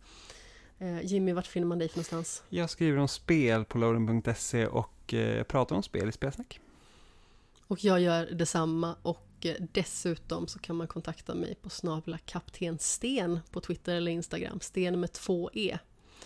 Så nu är vi tillbaka i Västerås, som det heter på svenska i böckerna. Jag måste ju bara dra det, det var ju lite fånigt faktiskt. Eh, nu när jag äntligen hade bestämt mig för att läsa igenom böckerna, eller lyssna igenom böckerna rättare sagt. När jag hade lyssnat på två böcker, då fanns de helt plötsligt inte kvar på engelska längre. Så då försökte jag i typ fem minuter att lyssna på den svenska utgåvan och det gick ju inte. Alltså det var så fånigt. Med sina Västerås och Vinterhed och... Kungshamn. Precis. Dock tycker jag Kungshamn är ett jättebra namn. Ja men det är okej, men alltså det som är grejen med det, det är ju att på engelska så är det redan så himla många namn och det är så himla många ställen som man behöver hålla koll på. Och sen så ska man hålla koll på det i översättningen också. Jag hade förmodligen blivit Ja, jätteförvirrad. nej, det är jättejobbigt. jätteförvirrad. Så jag skaffade en annan ljudboksapp. Sedan så kanske de har fått klagomål eller så har de för- förnyat licensen eller någonting. För helt plötsligt så kom böckerna på engelska tillbaka när jag var en bit in i bok fyra tror jag det var. Mm. Slutet av bok fyra eller början av bok fem. Det var början på bok fem. Ja, jag minns inte riktigt. Men eh, då sa jag upp det abonnemanget så gick jag tillbaka till min vanliga app istället. Men alltså, nu ska jag inte jag eh, kissa på Bookbeat här. eh, Men eh, jag har ett bättre abonnemang på Storytel. Som är billigare. Och i det abonnemanget från början hade jag obegränsad lyssning. På Bookbeat hade de någon form av sån här men, trestegsraket ungefär, liksom där man fick välja då hur många timmar man skulle få lyssna på i månaden och betala en summa utifrån det. Plus att provmånaden, där fick man bara lyssna 20 timmar Mm. eh, innan man då helt enkelt fick köpa en hel månad då, eller teckna ett abonnemang. Och då kostade det 200 spänn. Och jag tycker att det är, ja alltså, nu kostar det inte så extremt mycket mer än det jag liksom redan betalar för den andra tjänsten. Men jag tyckte ändå liksom att det kändes som att eh, jag fick väldigt lite under min liksom provperiod. Mm. Och eh, sen så eh, betalade jag väldigt mycket för väldigt lite. Ja, så kan det vara. Men nu är jag tillbaka på Storytel minsann idag. Jag tycker det är en bättre app också. Mm. Det jag gillade med eh, A Song of Ice and Fire-böckerna, det var ju liksom att man kunde se kapitlen och se deras namn och hur långt det var kvar av dem. Mm. Jag vet inte om det var en bugg på Bookbeat-appen eller någonting, men helt plötsligt så började den eh, kapa mitt i kapitlerna. Så ibland, om det var lite kvar av kapitlet, om jag till exempel skulle lägga mig och sova och lyssna, då satte jag ju timer på att det skulle pausa när kapitlet var slut. Men helt plötsligt så började den kapa mitt i istället. Så helt plötsligt visste jag inte var jag var för någonstans. Ja, vad jobbigt. Eh, och som sagt, jag tyckte det var mer praktiskt på Storytel. Eh, jag är inte sponsrad av Storytel vill jag bara säga, men eh, jag hade inte haft något emot det om man säger så. mer böcker till mig. Men eh, ja, vi säger väl som vi gör eh, i vanliga fall. Puss i ljumsken. Hej då!